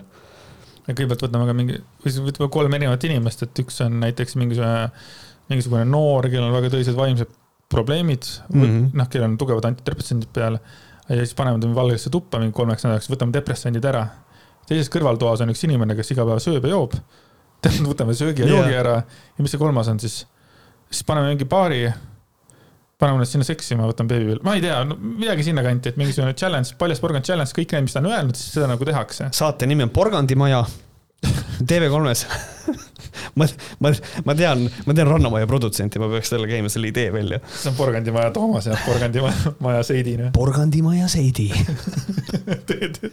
suri nälga väga crazy. aga tegelikult äh, vot sul oli vist mingi teema veel, mida sa tahtsid selle porgandiga veel võtta ja siis äh, mul on ka veel ideid. hästi põgusalt võib-olla puudutaks seda, et äh, mis mind ennast häirib, ma käisin porgandi kodulehel ja mind häirib see, et Adidas, Sportland, Kaubamaja, Euronix, Philips, Air Baltic, MyFitness, Bauhof, IKEA. kõik need brändid on kodulehel olemas, et nad on nagu temaga teinud väga head koostööd huvitav on nagu see, et äh, kuidas nende brändide seisukoht on selle, selle asja peal, ma saan aru, marketing ja vahet ei ole, et äh, IKEA, noh eriti IKEA, IKEA has no fucking heart. IKEA on nagu see, et äh, pohhui äh,, porgandi inimesed ostsid äh, kaks kappi ja siis kõik surid ära. pohhui, kaks kappi on müüdud, onju. aga ma mõtlen, et siuksed MyFitnessid ja äh, Sportlandid ja noh, või siis ka nagu Adidas, et noh, seal taga on mingisugune sihuke sportlik, tervislik elustiil. kas nagu on, kas, kas Paljas Porgad on see ambassador, see on nagu, tekitab minus nagu küsimuse. üldse sõna ambassador on minu arust nagu fuck you. mäletas, kui Noko tuli ja siis oli äh, mingi vend sai mingi selle äh, kasti Nokot endal tol ajal vist sai ambassadorit sai vist kasti Nokot või kaks kasti või mida iganes, kümme purki oli siis. ja siis, siis tuli biosse tuli tš, Noko ambassador, mine putsi, sa oled kaks päeva kuradi Noko seal mingi brändi nägu olnud ja said ühe kasti, sa oled ambassador. no aga kui ta on ambassador. ei, no aga tegelikult noh, laias laastus tegelikult siiski paljas porgand on nagu ennast näidanud ikkagi alati nagu selles mõttes jah, tervisliku inimesena, lihtsalt see on see on mingid eba, ebaterved mingisugused hood käivad tal seal üle, kus ta nagu aga äkki ta on vaim, aga äkki tal on mentaalselt ikkagi probleemid ja siis tal tulevad need hood peale ja siis ta kirjutab sihukest solki. mentaalsed probleemid, minu arust ta on ise ka öelnud, et ta on nagu laps, kes vajab armastust ja nii edasi, et, et seal, seal on igasuguseid, ma, ma arvan, et seal on häireid, no. kindlasti. jah, noh tähelepanuvajadus on ilmselgelt üks nendest, aga. no meil kõigil on tähelepanuvajadus. absoluutselt, sa oled näitleja. muidugi, mul on tähelepanuvajadus no,. minul on ka tähelepanuvajadus, ma olen ka laval käinud ja teen podcast'e, muidugi mm. -hmm. see jah, on kindlasti ja siis siin oli veel mõned asjad, mis ta nagu kirjutas, et äh, ma pole öelnud, et ära kanna maski ja ma ütlesin, et mina ei kanna oh, What a dumb fuck take, okei okay., kas sul on midagi veel? ma pole öelnud, et ära luba vanevanematel end süstida, vaid et nad teeksid selle otsuse informeeritult, olles kursis riskidega muidugi ei tea, kust see teema tuli, aga hea küll. aga inimesed teevadki seda, kõik need arvud on väljas, mis on AstraZeneca vaktsiinil võimalikud kõrvaltoimed, mis see protsent on, kogu see info on olemas. või see on nii ilmselge, et ta, ta mõtleb seal just nimelt seda, mis on vaktsiinide vastane, et viige ennast sellega kurssi. mitte nagu selle statistikaga, mis nagu meil on avalikult kõik kättesaadav, see on nii lollakas statement. teine asi see, ma ei ole öelnud, et ära kanna maski, mina ei kanna jaa, aga ma saan aru, sulle ei meeldi ja sa ei arvad, et sa ei vastuta, aga sa oled noortele inimestele eeskuju. et nagu see on nagu selles mõttes sina ei kanna, miks sa ei kanna, mis su põhjendused on ja kas need vett peavad? Oh my god. aga see point ongi, tema point ongi see, et see, et mina jagan enda mõtteid ja kogemusi, ei tähenda see, et mina vastutan.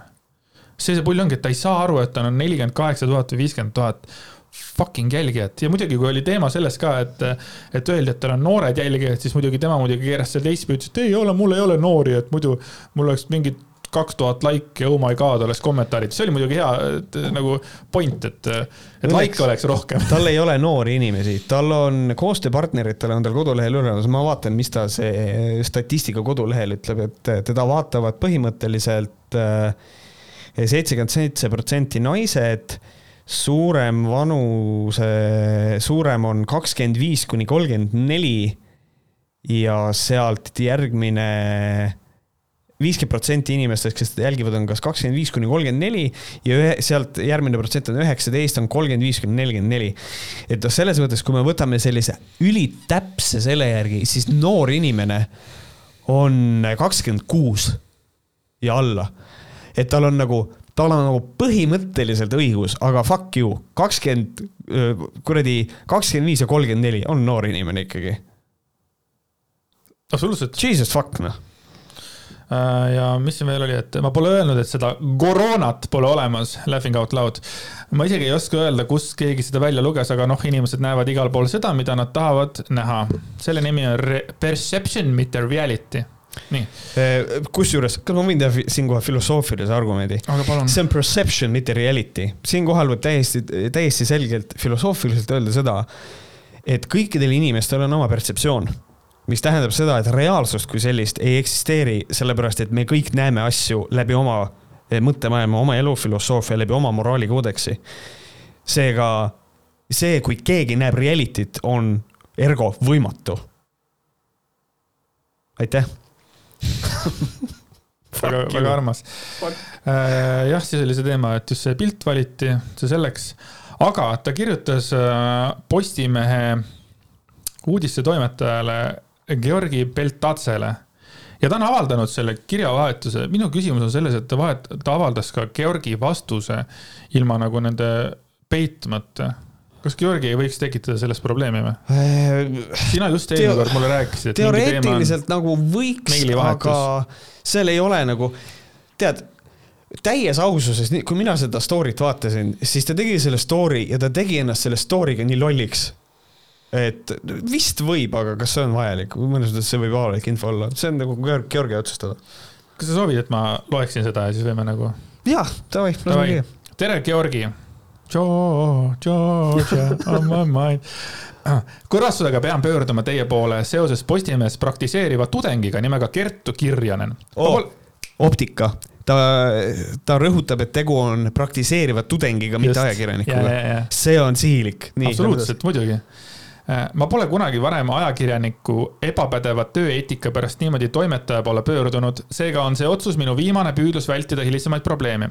ta pöördus minu poole selgitamata, mis teemal artikkel valmib ning küsis minult väga intrigeerivaid ning kallutatud küsimusi. Enne vastamist soovisin selgitust, mis teemal ning suunitlusega antud artikkel on ning selgus, et artikli eesmärgiks on ümber lükata minu blogis ja sotsiaalmeedias avaldatud väiteid ja vastandada neid ekspertide arvamusega nii. Seems legit, antud kirjaga soovin, et te tutvuksite Kertu Kirjaneni valmimisel oleva artikliga, äh, sest see on vastuolus Eesti ajakirjandusliku eetikakoodeksi peamiste punktidega. raudselt ei ole äh, see üks neli, ajakirjanik vastutab oma sõnade ja loomingu eest, ajakirjandus blablabla bla, bla, kannab poolt ja nii edasi, informatsioonil, punkt. ma ei viitsi lugeda neid. see, aga see punkt isegi ei, ta ei riku seda punkti. no siin on niisugune punkt ka tegelikult, et ajakirjandus ei tohi oma tegevusega kellelegi tekitada põhjendamatuid kannatusi, veendumata, et avalikkusel on tõesti vaja seda informatsiooni teada. iseenesest avalikkusel oli vaja seda informatsiooni oli teada. vaja teada, pluss kellele ta seda kahju teeb. seal on, paras porgand ei oska lugeda, seal on kirjas, põhjendamatult ei tohi tekitada inimesele, mis see oli? kannatusi, veendumata. kannatusi. see ei ole, see on põhjendatud, sellepärast et paljas porgand levitab valeinfot ja see on vaja, it needs to be exposed. issand jumal, kui rumal mm. -hmm mulle edastatud täiendavatest küsimustest selgus, et Kertu Kirjanen on küsimused üles ehitanud väidetel, mida mina A pole kunagi kusagil öelnud ega kirjutanud.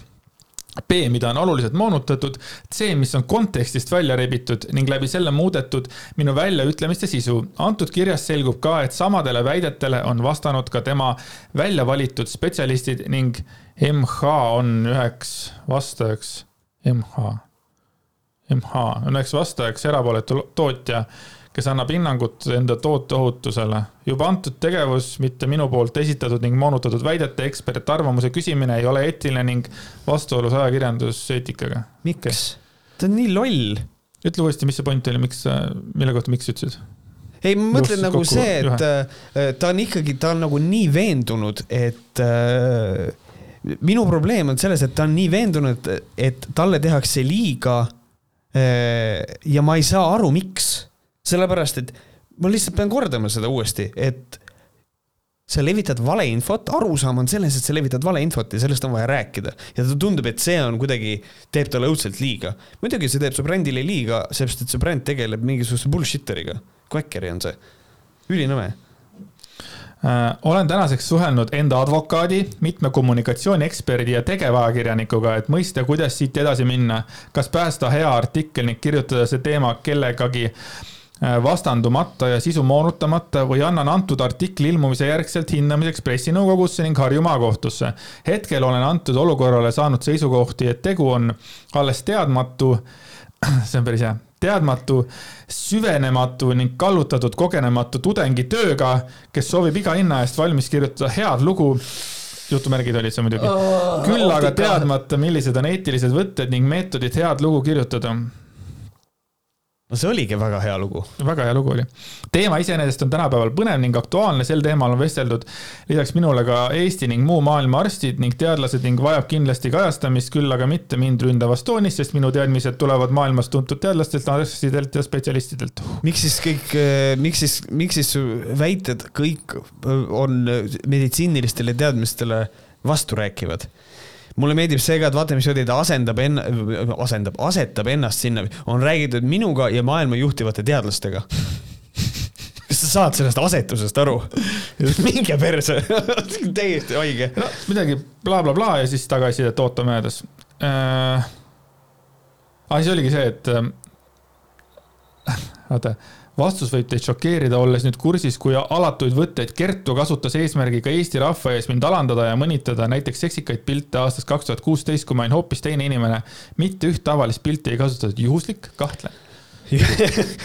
Juhuslik, kahtlen, lahe meem. igatahes äh, Georgi oli talle vastanud lihtsalt tere taas, niisiis tutvunud Kertu loo materjalidega, olen veendunud, et ta ei ole rikkunud ei ajakirjanduseetika koodeksit ega lähenenud teemale ebaprofessionaalselt ja meiegi soovime teiega teha konstruktiivset koostööd, aga Kertu tituleerimine kogenematuks tudengiks ei aita sellele karvavõrki kaasa. head sõbrapäeva soovides, okei okay,, head sõbrapäeva soovides oli ka muuseas veits nagu. no see ongi, see ei ole, see ei ole noh, sest et ta ei riku ajakirjandus seda eetikat absoluutselt ja, ja ta on hoopis teine inimene, kaks tuhat kuusteist bikiinipilte üles ei pane, välja arvatud. kuidas see oli kaks tuhat kuusteist, noh? Kaks tuhat kuusteist, vaata siis ta veel oli see vana, äkki. see oligi jaa, see oligi seesama. ta oli, sa tabasid teda, see oligi peale see, sinu, ta tegi sinuga selle pildi ära, siis ta sai aru, fuck this is not okay.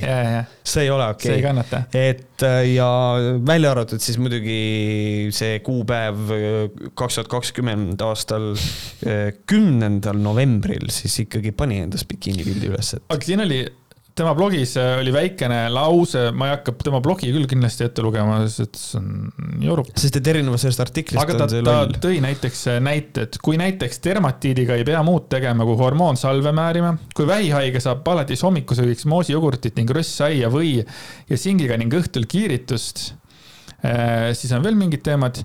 Ja siis, et mis teadusest ja ravist me räägime. Ja kuna minu abikaasa.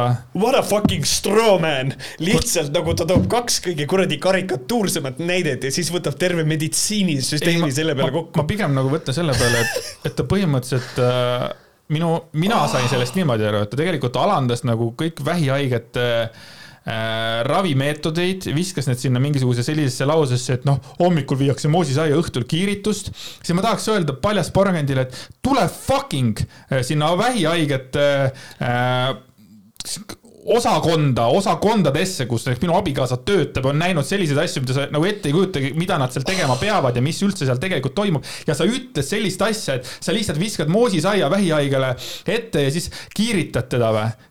vaat see on see asi, mis mul nagu sita keema ajas, et hea küll, pohhu see, pohhu see joorub, vaata, mida ta ajab seal.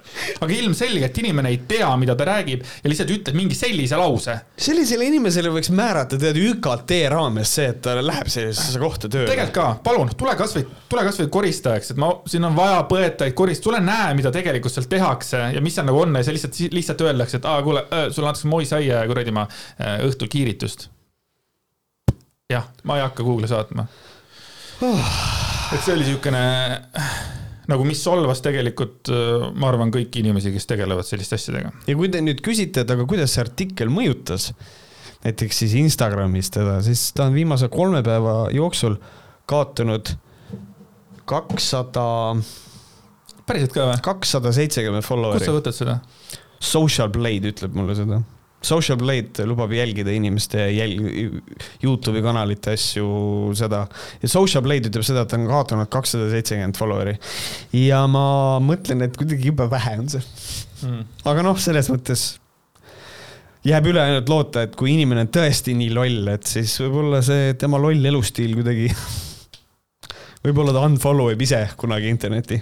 aga ma ikkagi tahaks nagu selles mõttes lõpetada positiivse noodiga, et mina ei arva, et Paljas porgand on tegelikult kunagi kellelegi halba tahtnud ja mina usun, et seal on väga palju asju, mis on olnud tegelikult äh, mõistlikud, aga kuskil, kuskil see naisterahvas oleks võinud selle piiri tõmmata või, või või mm. kas nagu ahnus või, või miski, miski nagu ületas need igasugused nagu piirid, mis tegelikult olid nagu, ta oli nagu selles mõttes, oligi noh, sportlik ja, ja ma ei tea, tervislikke eluviise propageeriv, eks ole mm, -hmm. ja temast on saanud äh, klistiiride näljutamise äh, ja arstid, no ta propageerib, eks ole, pluss veel arste mõnitab, ta oli, ütles seal oma blogis, kirjutas ka veel, et, et jah, ma ei ole küll umbes a la arstiks õppinud, aga noh, ega ennem ei olnud need arstid ka, et no nüüd nad lihtsalt. ja ah, siis point oli see, et arstide silmaring on nii väike, et, et tema ei saaks arstiks hakatagi, sest tema silmaring on palju laiem äh,. mine perse. noh, mina, mina selles mõttes sain sellest niimoodi aru ma sain valesti aru, siis ma vabandan.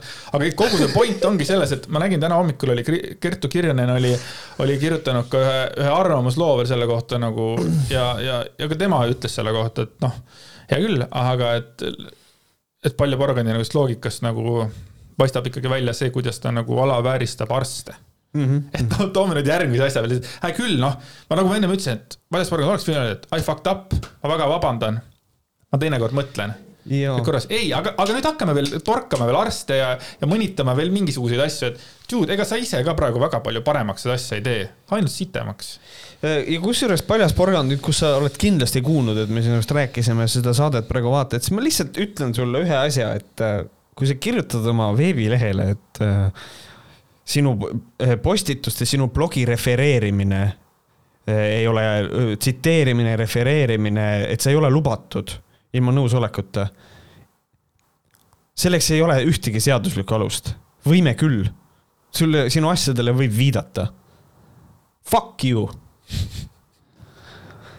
räägime Mailis Repsist. Mailis Reps on ka tore. räägime Mailis Repsist, kes siis kasutas, võib-olla me mäletame, tööautot muudeks asjadeks. ja siis tuli mängu üks jura ja.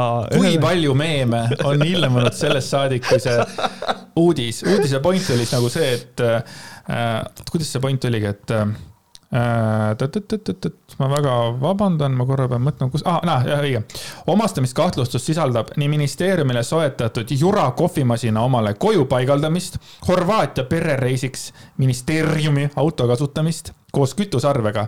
ralli MM-etapi ajal Tartu hotellis Pallas perega veedetud majutuse eest kolmesaja kuuekümne eurose arve esitamist ja pere lennupiletite eest üle tuhande viiesaja eurose hüvitise küsimus küsimist ministeeriumilt. aga kogu see pull saigi hakkama sellest, et, et Mailis fucking reps peale selle, et ta pani tööle enda auto, autojuhi pani siis nagu lapsehoidjana autod vedama siis ta võttis endale mingi kaks nõunikku, kes ka tegelesid tema lastega. ta fucking varastas kohvimasina ära. ma, tahan tahaks. omastas. ta omastas, saad, saad, saad, saate aru või? ja kui ma rääkisin see see oli saade Vatkus Reps, kus me rääkisime, rääkisime Repsi saates, ülihea saade, soovitaks teil seda kuulata, on tõesti hea saade. ja kurat, mis see point oli? Ah, siis ma nagu point oligi selles, et sa veel ütlesid, et jaa, aga ta oli väga hea haridusministeerium või ministeerium. Mailis Reps oli väga hea haridusministeerium. Mailis Reps oli väga hea haridusminister, onju. ja siis, kui ma ütlesin sulle ka, et teate, aga, aga see nagu noh, see ei ole nagu õiglane, et nagu meie väikeste inimeste jaoks, kuidas see asi on. Siis vaata nüüd, noh, hea küll, lapsed, asjad on ju, see oli inetu, see oli fucking disgusting. sa võtad kohvimasina või? sa saad palka mingi kuradi fucking viis tonni pluss veel mingisugused asjad on ju. sa mhm. võtad kohvimasina ära sealt äh, ministeeriumist või? see on. koju, saad aru, ta kõndis niimoodi kontsakingadel ja see, see kuradi kohvimasin, suur oli, see jura oli käes on ju. kusjuures mulle, minu lemmiknali seoses selle kohvimasina varastamisega. kas sa tead, mis on Mailis Repsi lemmikkohv? Pätikohv ja, ja oli jah pätikohv mu lemmiknali, aga see on nii crazy, sellepärast et mul oligi, et ma nägin seda mm, artiklit, et äh, sai äh,, et muudeti üle nagu kriminaalasjaks. Ja ma olin, et nagu wait what? klikkisin lingi peale ja siis ma nägin, nägin seda, et omastas Jura kohvimasina, siis mul oli nagu see, et you know what? Burn in hell, davai. Türa, sa võid, sa võid, sa võid nihverdada sa võid nihverdada, aga see on otsene vargus, fuck off, nagu lõpeta ära. Mm., nagu you deserve this, nagu no, see on, et nagu ja teine asi on see, et perega Pallase seal hotellis kolmesaja kuuekümne eurone arve. See üllatas mind, sest ma mõtlesin, et see on kallim. Jah, tõesti, kolmsada kuuskümmend, palju tal on neid lapsi, kaksteist? tal on neid lapsi, jah. Need on vist kõik ka tema omad, et selles mõttes neil on hästi palju. keegi tegi hiljuti tegi, ma lugesin seda. kõigil on eraldi auto. oli, oli mingi nali, arvatavasti sellest seda kuulda, see ei üldse nagu naljakas, aga et, et, et see on huvitav, et ala, et, et, et Mailis Repsi kutsutakse perekonnanime nagu hüüdnimega Reps, vaata, et mm -hmm. tegelikult on Mailis Rebane kusjuures, kusjuures ERR-is on, on üks äh, ope, kelle perekonnanimi on Rebane tema hüüdnimi on ka Reps. ongi, kõikide rebaste nimi on Reps ju kui see, issand, see oleks nii lahe meem, kui tuleks välja, et aga tegelikult ongi Rebane. Aga keegi nagu kirjutab, tegi mingisugune, see on mingisugune cleric error, keegi on kirjutanud, no Reps, noh, mhm, pani kirja Reps ja jäigi perses. pärast tuleb välja, et tal on mingisuguse ja et ongi ta dokumentide peal ka Reps, mis on see on põhimõtteliselt, aga kuna ta tegelikult on rebane, siis ta on rikkunud seadust, et see on, see on fraud, ta on tegelikult rebane, dokumendid kõik valesti allkirjastatud, vangi elu lõpuni. Jüri Ratas on ka lõpuks mingi ratarats. Jüri, Jüri Ratas, tegelikult ma olen Jüri Jalgratas ja mul on see probleem. Fucking Jeesus Kristus. ega sellest ongi väga midagi rääkida ei olegi see situatsioon oli ise nii koomiline ministeeriumis Mailis Repsile esitati süüdistus Keskerakond. kes see? Mailis Reps, Reps mõtlete Mailis Rebane või? jaa oh,. aga rep, süüdistuse sai reps, mitte rebane, vaata see juriidikas see on nagu long game, et kui tuleb repsile süüdistus, siis tegelikult ma olen rebane. puja, rahulikult koju minna, juramasin käima, joob oma kohvi edasi. juramasin käes kõik. kujutasite, kuidas ta läks selle, see juramasin ei ole kindlasti mingi, ei ole kindlasti mingi väike, väike, kõndis, kõndis, või, siis on need, vaata need orjad, kes seal olid nõunikud hoidsid seda kaeva viimane transport, viimane transport oli see, et vaata, me palju, see pilt oli tehtud sellest autost, kui ta seda autot väärkasutas, et lapsed olid auto kõrval, see oli sellepärast, et nad ei mahtunud sisse, sest et auto oli juramasinad täis kuhu ma istun, kuhu ma istun, ajakirjanikul juba, kuule, nad praegu ei mahu, tee pilt! This is how it started. This is, this is how it's going! Oh. issand jumal oh,. see nali oli, see, see oli väga hea nali. ühesõnaga, reps, ei olnud reps, rebane oli. Kuule, äkki teeme väikse pausi või? Lähme ringat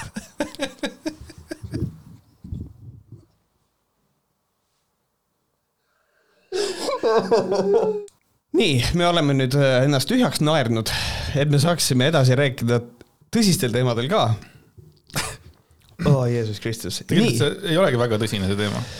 see ei ole, aga järgmine võib-olla läheb mm, -hmm. aga ühesõnaga juhtus siis see, et äh, Kaja Kallas ütles äh, siukse huvitava asja, et kahekümne neljas veebruar mm -hmm. ja Kaja Kallas ütles, et tähistame seda peredes, sööme ühe väikese kilbu võileiva, võtame pitsikese valget viina ja oleme sinimustvalgetega. aga me ei kogune suurtes hulkades, sellepärast et see tõstab oluliselt viiruse levikut, see on minu üleskutse. ja siis nagu ikka, kui Kaja Kallas midagi ütleb, siis ähm, ronib põõsast välja mingi inimene, kes on hästi rumal. siis põõsas hakkas kahisema välja ronis Monika Helme, kes ütles, et pärast vabariigi aastapäeva, kui perevägivalla sinikud on kokku loetud, siis saab öelda Kaja Kallas. viidates siis sellele viina võtmisele, et see viinapits, et siis eh, alkoholi joomine toob seda perevägivalda esile. ülinõme kuidagi, et nagu selles mõttes ma ise kritiseeriks võib-olla Kajat ka natukene, et noh, see see viina võtmise asi on natukene kummaline, aga noh, selles mõttes, kui on traditsioon sul viina võtta pits, siis nagu sure, ma ei tea, ma ise ei joo kunagi. ma nagu ei tea, aga ma leian seda, et äh, kuidagi sellele see pere, perevägivalla äh, asi nagu peale keerata on kuidagi jube alatu ja nõme et ma ei tea, siin nagu ei olegi nagu, ei oskagi nagu mitte midagi muud nagu selle kohta tegelikult päris öelda lihtsalt, et ülinõme viis, kuidas lihtsalt äh, oma poliitilisele vastasele jälle nagu läbi kalambuuri veits ära panna, kuidagi loll. noh, kalambuur kalambuuriks. esiteks äh, Kaja, Kaja Kallas ütleb väga lolle lauseid ja jääb vahele väga veidrate asjadega. kui ma ei eksi, siis oli siin hiljuti oli räägiti ka mingisugusest Reformierakonna pidu pidi tulema ka kahekümne neljandal või midagi sealkandis. ja siis küsiti ka, et kuule, aga teil on ka ju kokku lepitud, et pidu tuleb, siis Kaja hakkas, umbes ma ei tea, ma ei mäleta midagi. muidugi ta teadis, et tal on ülehomme pidu. esiteks mulle ei meeldinud juba see, et Kaja Kallas kipub äh, ka veits vassima, isegi mingite suvaliste asjadega mm.. see on esimene asi, teine asi see, et ta viskas selle pitsi asja, et ta nagu ei mõelnud oma sõnu läbi noh, praeguses nagu selles olukorras, kus me oleme, kus alkohol ja perevägivald on nagu probleemid ja siis ta veel ütles ka, et noh, nagunii vaata, inimesed on karantiinis, on perevägivalla asjad on tõusnud, pühade paiku, kõik need asjad, et miks selline lause öelda jah, ma nagu seda nagu kritiseeriks, aga, aga nagu võttes arvesse seda, mismoodi Mart ja Martin Helme on öelnud seda, et Eestis perevägivald ei ole probleem, siis on minu arust hästi kummaline, et Monika Helme seda perevägivalla kaarti kogu aeg mängib, see on hästi veider. kas ta kogu aeg on mänginud või? ta on äh, leidnud viise sarnaseid, kuidas perevägivallast okay, mina ei ole nagu rohkem näinud, kui ma seda nägin, siis mõtlesin ka, et täiesti perses, Monika Helme ja ta on ju paljudele konservat-, tiividest, ma arvan, naisterahvastele eeskujuks, noh, võiks ju olla mm. ja, ja, ja meeste jaoks arvamusliider ja siis sa teed sellise nalja. aga samas, kui sa oled eh, ekrelane või konservatiiv, siis perevägivalda ei ole olemas, et võib-olla see on nende jaoks on nagu okei okay, nali mm. -hmm. aga minu arust see oli väga sitt nali ja, ja, ja ma ka tweetisin sellest, et mida perset, tegelikult ka või? päris nõme jah. aga nüüd lähme siis, äh, rääkides perevägivallast, äh, lähme siis Pealtnägija loo juurde, räägime siis nüüd natukene nende Sildarude asjast ka, ehk siis äh, seitseteist veebruar oli see Pealtnägijas äh, Kelly Sildaru juhtum, see, kus siis äh, räägiti sellest keerulisest suhtest, mis neil peres on ja mismoodi perekond on jagunenud kaheks ja on üks pool ja on teine pool ja siis kogu see asi oli meedias. rahvas üldiselt oli seda meelt, et, et Kel-, Keldaru, tahtsin öelda, et Kelly Sildaru ja tema ema on, on kõiges süüdi justkui. see oli kuidagi selline, need kommentaarid ja siis olid väga siuksed probleemi pisendavad kommentaarid ka. alustame kõigepealt sellest, et ma küsin sinu käest, et kas see lugu äh, Pealtnägijas oli okei okay., kas see pidi olema seal? mina leian seda, et äh, see on äh, ma ütleks, et jaa, sest et see näitab esiteks seda, et igasuguse kuulsuse ja igasuguse edu taga võib olla väga Eh, traagiline elu tegelikult, väga traagilised sündmused, pluss eh, kui see kõik, see jutt eh, kõik tõele vastab, mida seal räägiti, või noh, mitte, et millest seal räägiti, kui see Kelly ja siis see emapoolne jutt vastab tõele siis äh, ma leian, et perevägivald on asi, millest on vaja rääkida ja kui see aitab inimesi perevägivallast, paneb inimesi rohkem perevägivallast rääkima, siis ma leian, et see on positiivne, jah. jah, ma olen täiesti nõus sellest ja ma olin nii üllatunud, miks ma üllatan, ma ei saa aru, miks ma üllatun. arvestades sellega, et äh, rahvas on Aivari poolt, rahvas on venna poolt ja nüüd äkitsi oli siis suurim probleem selles, et, äh, et miks see tavaline kodutüli umbes toodi nagu rahva ette minu arust see oli nagu kõige õigem koht, kõige õigem aeg nagu praegu, äh, kus see teema on tegelikult aktuaalne, kus seda teemat nagu, sellest rääkimine on nagu, see oli kõige õigem aeg nagu üldse, et seda, seda mm -hmm. nagu mhm. teha. Mihkel Kärma sees müts maha, et ta on selle kriitikaga vastu pidanud, sai tohutult, sai puit selle eest alla, et ta nagu üldse selle tegi, onju. see on, see on tohutult traagiline lugu Äh, kogu see teema on tohutult traagiline mm. -hmm. kas ma sain õigesti aru, et äh, keegi pettis, aga ei öelnud, kumb? Äh, mina sain, see tuleb üsna selgelt välja, et sellel isal minu arust oli, sellepärast et ta nimetab ka seda, et see on, see on põhimõtteliselt, tegu on petetud naise kättemaksuga ehk siis ta ise nagu viitab sellele, et ta on äh, oma naist petnud, mina saan sellest niimoodi aru. ja kui ma sellest õigesti aru saan, siis see on see koht, kus ma tahan öelda, et ta on endale ehitanud täiesti suurepärase kaitse. selle pealt, et ta tunnistab, et ta on oma naist petnud.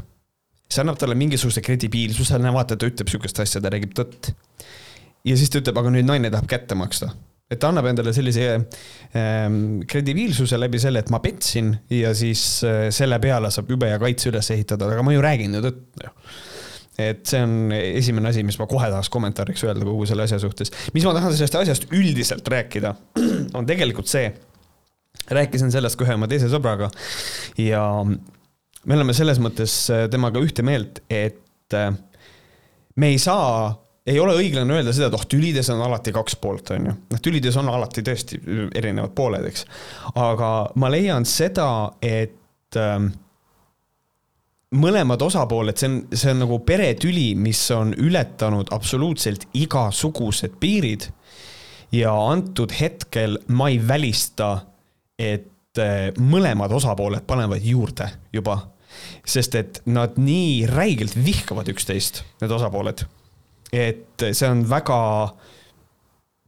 vähemalt minu silmis, see on, see on, see on väga võimalik. ma usun seda, et suhted on puruks, ma usun seda, et äh, mõlemad osapooled on läinud üle piiri ähm,.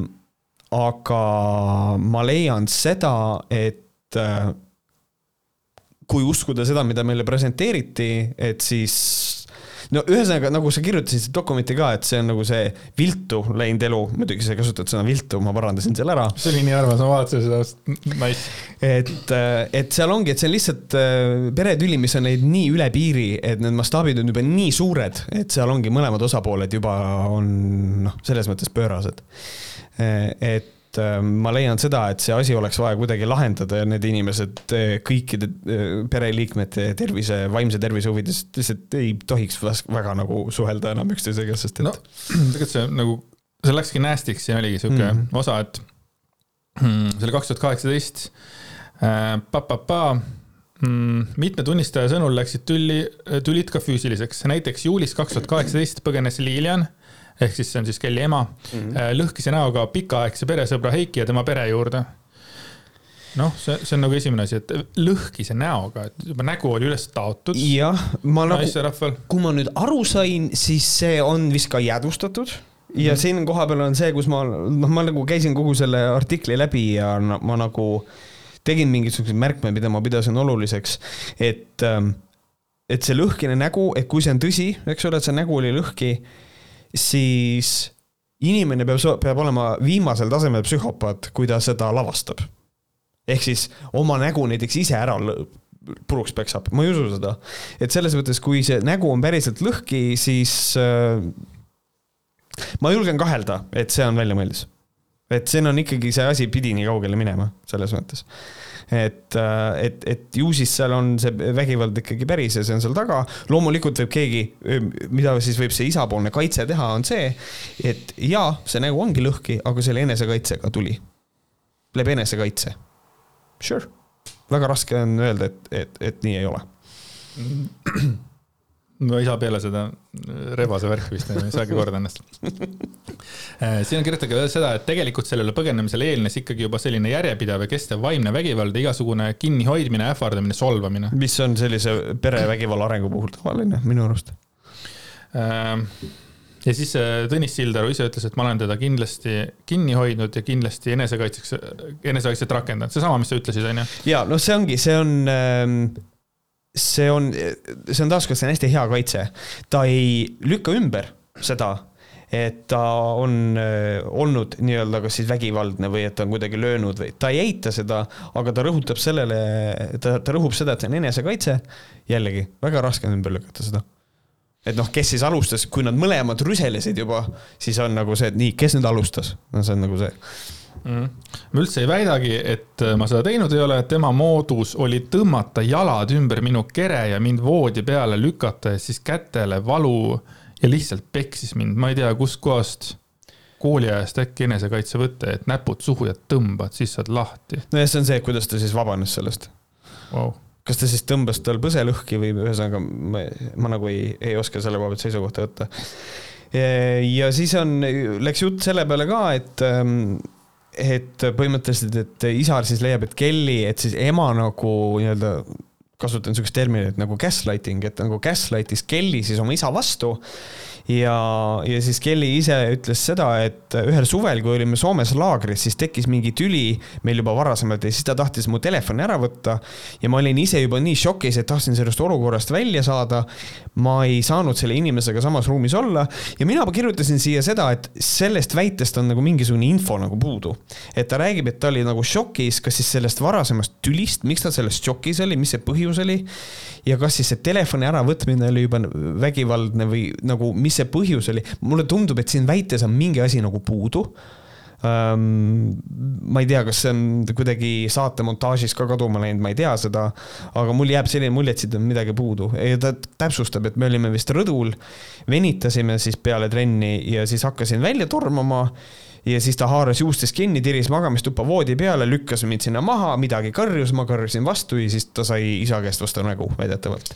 saad aru, isa võtab tütre, ta haarab juustest kinni, tirib magamistuppa voodi peale, lükkab maha, karjub ja paneb lahtise käega pikut tatti kui see, noh, siin on puht juriidilisel, juriidilistel põhjustel on turvalisem öelda, kui see vastab tõele siis on see hästi haige, absoluutselt. Äh, ma ei suuda nagu mitte kuidagi mõista seda, äh, kuidas, noh, kindlasti mingisugune onu Heino kuskil Postimehe kommentaariumis kirjutab, no aga kui ikka käib närvidele, sure, aga nagu, et oma lapsega niimoodi käituda, ükskõik kui tõsine see konflikt ka ei ole, see ei ole normaalne.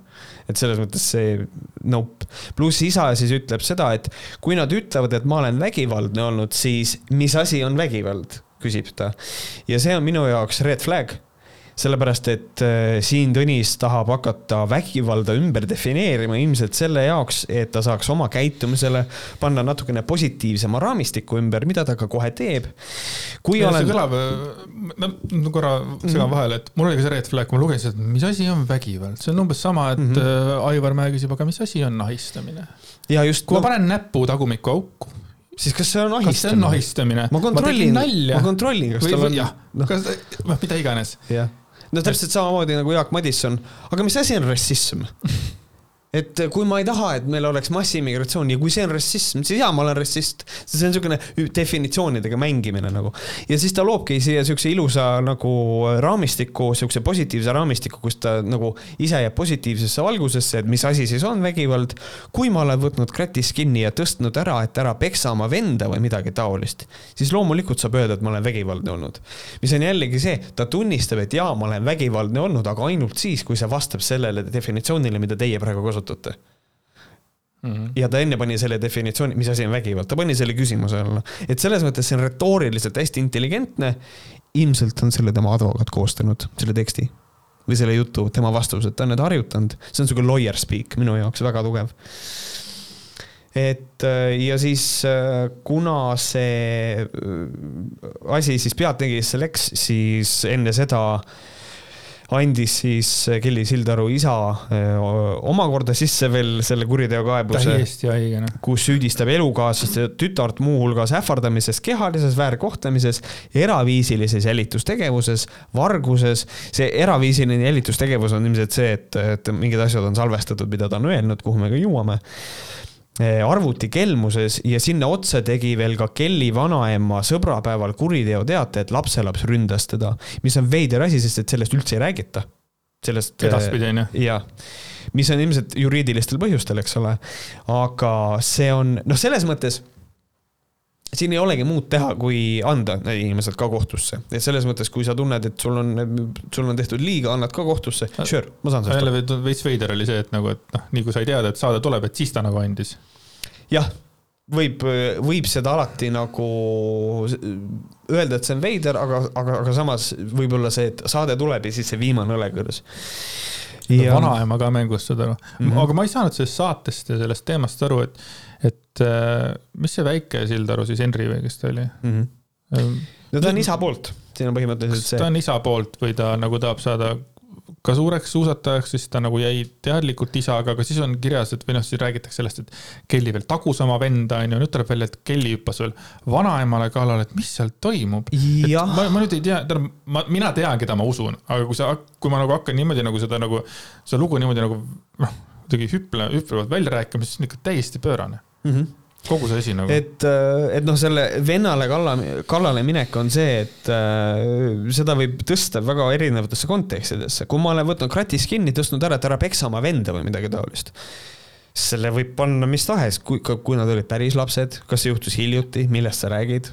aga ta on väga kaval, ta ei maini seda nagu.. ja, jah, mina hakkasin kohe mõtlema, et see võib olla ka praegu sellega seotud mm. -hmm et, äh, et noh, et sellisel juhul ma olen kasutanud vägivalda mm., et noh, et see on niisugune selline huvitav asi. ja siis Tõnise Leer, mis on siis isa ja siis ilmselt siis Henri vist. et hoopis ema ja tütar on vägivaldsed, rünnates korduvalt ja jõhkralt nii isa kui ka venda, pannes ohtu nende elu ja tervise ja kusjuures Kelly käekiri olevat lüüa kannaga ja kägistada, mis on hästi veider lisa, hästi, hästi veider nagu siukene addendum seal asjal otsa, et nagu miks see oluline on ma ei päris täpselt saa aru, aga sure. Eh, oleme kaks aastat Henriga elanud nagu vaimse terrori all, nad on lahminud, pannud täie rauaga. Eh, et, et noh, siin ongi see, see süüdistamine nagu vastastikune ja mina olen seisukohal, et need peresuhted on nii perses, et võib-olla ongi niimoodi, et mõlemad osapooled lahmivad üksteist. nagu füüsiliselt ka sest et lihtsalt äh, neil on tekkinud see võimetus kõneluseks ja nad lihtsalt ei oska teisiti ja, ja nad mõlemad käituvad nagu lambad. see ei ole nagu see olukord, mina, mina täiesti konkreetselt, mina usun seda äh, Kelly juttu, mina usun seda. ma usun ema, ema ka. aga ma veits tunnen, et nad panevad juurde isaga täpselt samamoodi. ja ma ei vali poolt sellepärast, et mina, mina täiesti reaalselt tunnen, et siin on osapooled mõlemad läinud nii kaugele, et nad ei suuda tsiviliseeritult käituda. mina, mina valisin selles mõttes poole ära, et kui esimene noh, see verise näoga äraminek, et nagu noh, siis mul ausalt ei ole rohkem vaja mm. -hmm. et kui juba mees oma naise näo veriseks peksab või lööb kas ühe löögiga, mis iganes, no siis on juba tegelikult aeg lahkuda ja noh, see pidu olekski läbi loogika järgi Sure, ja noh, et ma saan sellest täiesti aru, jah, et. aga noh, siin on nii palju minna. neid muid kihte, et ma isegi ja. ei hakanud siin välja seda tooma seal lõpus see, kus on mingi rahade ja majade ja see teema, noh, see on no, omakorda, see on mingi kümnes kiht seal veel. ja mis, mis nagu mõnes mõttes on kogu selle probleemi suur tuumik, on see, et asi on rahas ja siis ongi nagu see, et noh, see on hea põhjus, miks nagu ma ei tea, sinu vanem ei tohiks su treener mõnes mõttes olla et siin ongi nagu see, et kas Kelly teenitud raha on siis ka nagu isa raha ja kui palju. ja siis on online'is hästi palju kommentaare, vaata, aga ilma isata ju Kellyt ei oleks. jaa, aga see ei õigusta mitte, mitte mingisugust käitumist. mul oli Twitteris ka erakordselt naljakas interaktsioon, kus kohas äh, keegi ütles seda, et noh, et äh, ma ütlesin, et see on minu arust nii veider argument, et noh, et ilma isata ei oleks Kellyt, et ma ei saa aru, millest me tegelikult räägime üldse nagu. ja siis võiks ka olla, et aga ei olekski, onju seda mõtled või? no jaa, et aga ei olekski, mis oli minu, minu arust nagu mingi meemimine juba, aga siis keegi kirjutas, et noh, et kas sa oled nii loll, et sa päriselt aru ei saa sellest äh, mõttest. ja siis on nagu see, et noh, et äh, kus ma ütlesin seda, et noh, et ma siis seletan nagu et see on see, et vahet ei ole, kas isa on hea treener, kas temast, tänu isale on saanud temast väga hea sportlane või mitte. see ei õigusta sellist käitumist, nagu sealt saatest nagu välja tuleb. ja siis vastus oli sellele, aga kus ma olen isa käitumist õigustanud. ja see oli nagu see argument, mida ma polnud kunagi teinud. ma ei ole kunagi öelnud, et sa õigustad.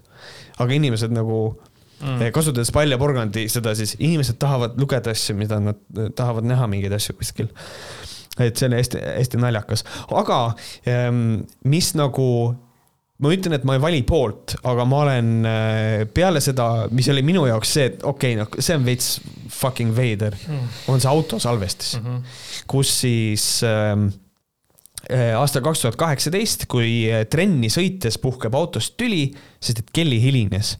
ja siis tüdruk ütleb midagi vastu ja isa Äh, ütleb, ma loen seal äh, isa nagu statement'i või see, mis, mis ta Kellile ütleb ette äh, täies pikkuses see on see, mida ütleb siis isa oma tütrele mm. -hmm. türa, ole vait, plikaraisk, sõna otseses mõttes fucking ole vait. türa, sa oled vastik tõusikraisk, kuidas sa fucking ei näe, miks Henry vastu päid ei saa?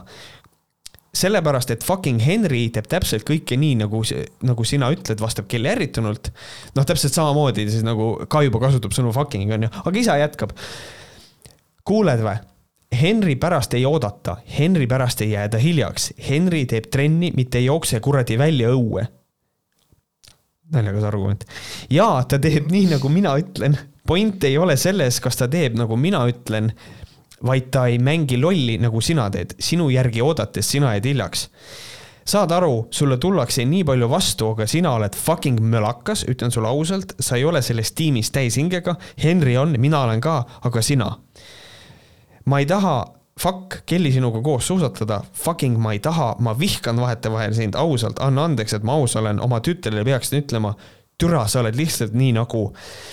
ja see on nüüd see siis, mida ütles isa oma tütrele. nüüd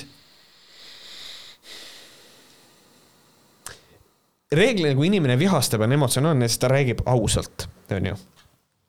ja kui sa ütled oma tütrele, et äh, ma vihkan sind vahetevahel, anna andeks, et ma aus olen, siis mul tekib väga tõsine küsimus selle isa kohta ikkagi ehm,. endiselt ma leian, et mõlemad osapooled on kaotanud mõnes mõttes oma näo juba praeguseks hetkeks kogu selle tüli käigus. aga öelda seda, et isa on täiesti süütu, ma ei usu seda sest et sa ei räägi oma tütrega niimoodi. Fuck you. ja, ja mulle meeldib, siin on selline kummaline asi, mis ma tahaks välja tuua, ma ei tea, kas seda on inimesed tähele pannud mm,. et äh, miks Henry savastab Eid ja ta ütleb, Henry pärast ei jääda hiljaks. Henry teeb trenni, mitte ei jookse kuradi välja õue. ja ta teeb nii, nagu mina ütlen point ei ole selles, kas ta teeb, nagu mina ütlen, vaid ta ei mängi lolli. ta täpsustab oma mõtet, sest et ta sai aru, et ta põhimõtteliselt viitab sellele, et Henry kuulab ta sõna ja sellepärast on kõik hästi ja siis ta nagu täpsustab seda minu arust, et ei no ta, ta ei mängi lolli, nagu sina teed, et nagu see on minu arust niisugune väike nüanss siin sees, aga siiski see grand scheme'is on asi see, et noh, see isa suhtumine ei ole mitte kuidagi terve.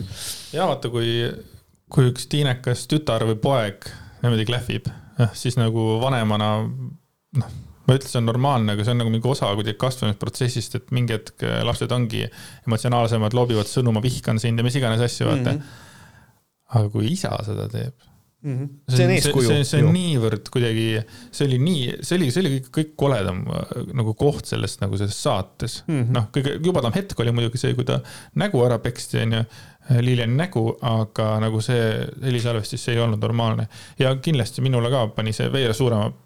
Selles mõttes nagu poolehoiu Kelly ja tema ema poole. ma, ma nagu mõistan väga hästi, mida sa mõtled ja ma võib-olla olen mm, -hmm. äkki ma olen ka veits silmaklappidega veits ikkagi no siin tuleb tunnistada seda, et äh, me lihtsalt äh, millegipärast ema ja Kelly olid valmis sellest avalikult rääkima, aga isa nagu väga ei olnud, et, äh, et siin nagu räägiti seda ka, et miks ainult nende naistega räägiti. Aga see oli sellepärast, et Tõnis Sildaru mm -hmm. nagu blokkis seda mm -hmm. asja. nagu fuck you, see on nagu väga oluline detail selle asja juures ja see ei ole see, et nagu, et kui ta blokkis, et siis ta on süüdi minu jaoks. ei, ta advokaat soovitas, ma arvan, et ära nagu sekku praegu nii palju sellesse saatesse. et, äh, et nagu selles mõttes, et äh, kui nüüd kellelegi teeb väga liiga minu, minu, minu, minu seisukoht, siis nagu sorry, ma loodan, et te suudate mind mõista, aga ma ei taha selles olukorras äh, poolt valida. Kelly on suurepärane suusataja.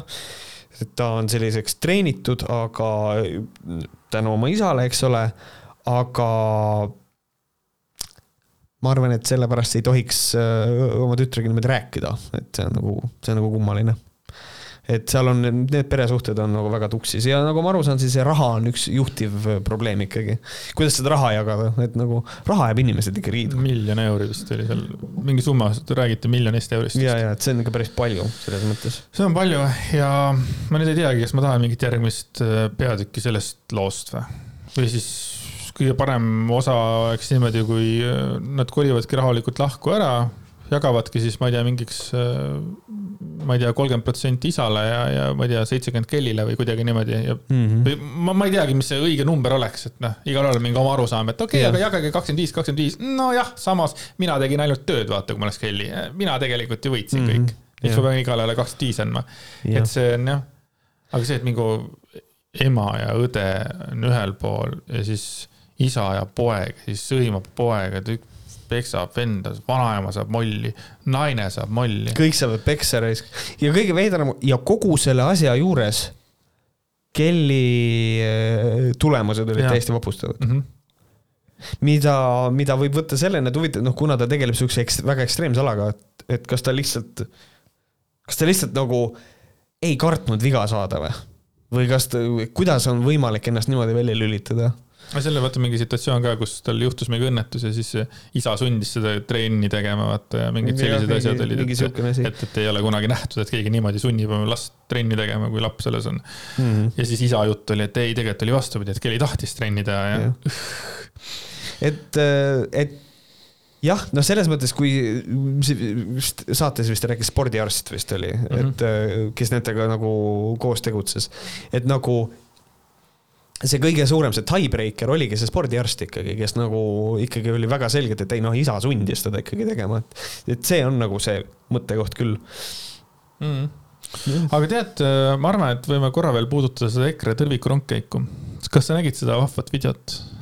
seda, kus äh, sõimati Postimehe ajakirjanikku, sa mõtled? see ehm, ma nägin ühte kommentaari selle kohta, ma videot ei vaadanud, äh, sellepärast et ma olen saamatu, aga seal keegi kommenteeris, et läks ise tüli norima ajakirjanik. aga kas tegelikult läks ka või, ma ei usu see oli selles mõttes hästi. kas ta oli provokatiivne? ta oli hästi äh, lahe video oli kus ta lihtsalt läks ja küsis inimeste käest küsimusi ja mm -hmm. teda hakati sõimama. noh, mingid inimesed hakati sõimama ja, ja Peeter Ernits siis seal ka kõrval ikka. Peeter Ernitsilt tuli mingi legendaarne lause, et umbes, et oh, mis sa nüüd joodik või mis sa neid, miks sa mehi kogu aeg otsid, et mine korja mõni naine ka ja mingid sellised laused nagu, mida? ja, ja kokkuvõttes igatahes seda süüdistati, ega see Ernits oli igatahes lõpuks andnud see pressiteate välja, mis iganes oli öelnud, et see oli, et tegelikult oli palju rohkem intervjueeritud nagu palju normaalsemaid inimesi, aga kokku oli pandud vaata ainult need nagu need Eh, sõimlevad ja karjuvad. noh, jah, cherry pikkimine on alati võimalik selles mõttes ja, aga EKRE tõrvikurongkäikudel on siiski kohal vastav kontingent ikkagi mm. -hmm. et seal oli üks äh, noormees, kes oli veits joonud ja siis äh, hüüdis kõva häälega, mina olen Eesti Hitler. No, no, ja noh, et see video on Cringe. täielik, see video on igatahes äh, väga kõva, et ma soovitaks teil üles otsida Postimehes see video, et see mm. on vaatamist väärt. ja viimane mõte veel, äh, sa oled meie peres populaarne. ma jätkan seda populaarsuse juttu. Äh, et siis, kui ma vaatasin ükskord videot üle, äh, vaatasin telekast, et kuidas meie video nagu välja paistab, onju. Mhm, siis minu tütrekene hakkas ütlema mann, mann, mann, tema jaoks on Märt on, ta on vist mann või mall või midagi taolist. aga nii kui ta kuuleb sinu häält või näeb, siis on, siis on nagu Märt ütleb mann või mall, kumb vahepeal tuleb niimoodi ja see on nii vahva. mina võin mann olla, mul ei ole. siis, kui ta mõnikord ütleb, vahepeal midagi kuulanud üle, siis ta kuuleb su häält, siis ta ütleb ka ära, et mann ja siis, kui ta tuleb siia tuppa, podcast'i tuba, siis ta vahepeal nagu näitab, et see, et noh, et töö ja siis, siis siia mann, vaata. Ah, okay. et meie teeme siin tööd, et sa oled ka minu pooleteistaastase tütre äh, nime, nimelistis mingisugune kolmas äkki, kelle nime ta teab wow,. Okay, ma arvan cool.. sa võiks oma, sa võiks oma lapsega podcast'i teha ta, ta jõhverdab nii palju, et ma ei, ma ei ole võrdne partner, ta on liiga hea nii armas. saad aru, ta ärkab vahepeal niimoodi, et öösel kell, ütleme kell kolm ärkab ülesse, magab veel meie vahel pool ööd mm. -hmm. ja lihtsalt ta on selili ja ta hakkab lihtsalt ütlema kõiki sõnu, mida ta teab. ja kõva häälega ja ütleb ja ütleb ja räägib, ta räägib pikalt, ta võib rääkida tund aega kõiki sõnu, mida ta teab. väga lahe. see on väga lahe. esineb ikkagi ta näitab ära oma teadmised. mõtle, kui sa peaksid ise seda tegema, kõiki sõnu, mida sa tead uskumatu. kass, koer, auto hakkavad järjest minema. väga lahe, aitäh, et te kuulasite. Eh, me oleme olemas, eh, mõlemad oleme olemas Twitteris, me oleme olemas Instagramis, aga eriti me oleme olemas äh, igal pool platvormides, Youtube'is on video üleval äh, ja võhkarid.gmail.com on emaili aadress, võite sinna midagi kribada, kui tahate pange hullu värki. Õ on kuus, nagu me alati ütleme uh. Mhm. -huh. või siis, kui tahate individuaalselt pöörduda, siis on ka meil olemas selleks kanalid, mind saab väga kergesti kätte juba veebisaidil märtkoik.eu, kirjuta, seal on olemas kontaktivorm, kuhu te saate kirjutada või kirjutage mu page'ile lihtsalt Messengeris, et, et, et see kõik on väga lihtne. kui on mingi teema, mida te tahate puudutada või kui tahate lihtsalt kirjutada, küsimusi esitada, see kõik on, on teretulnud, me ootame teid väga.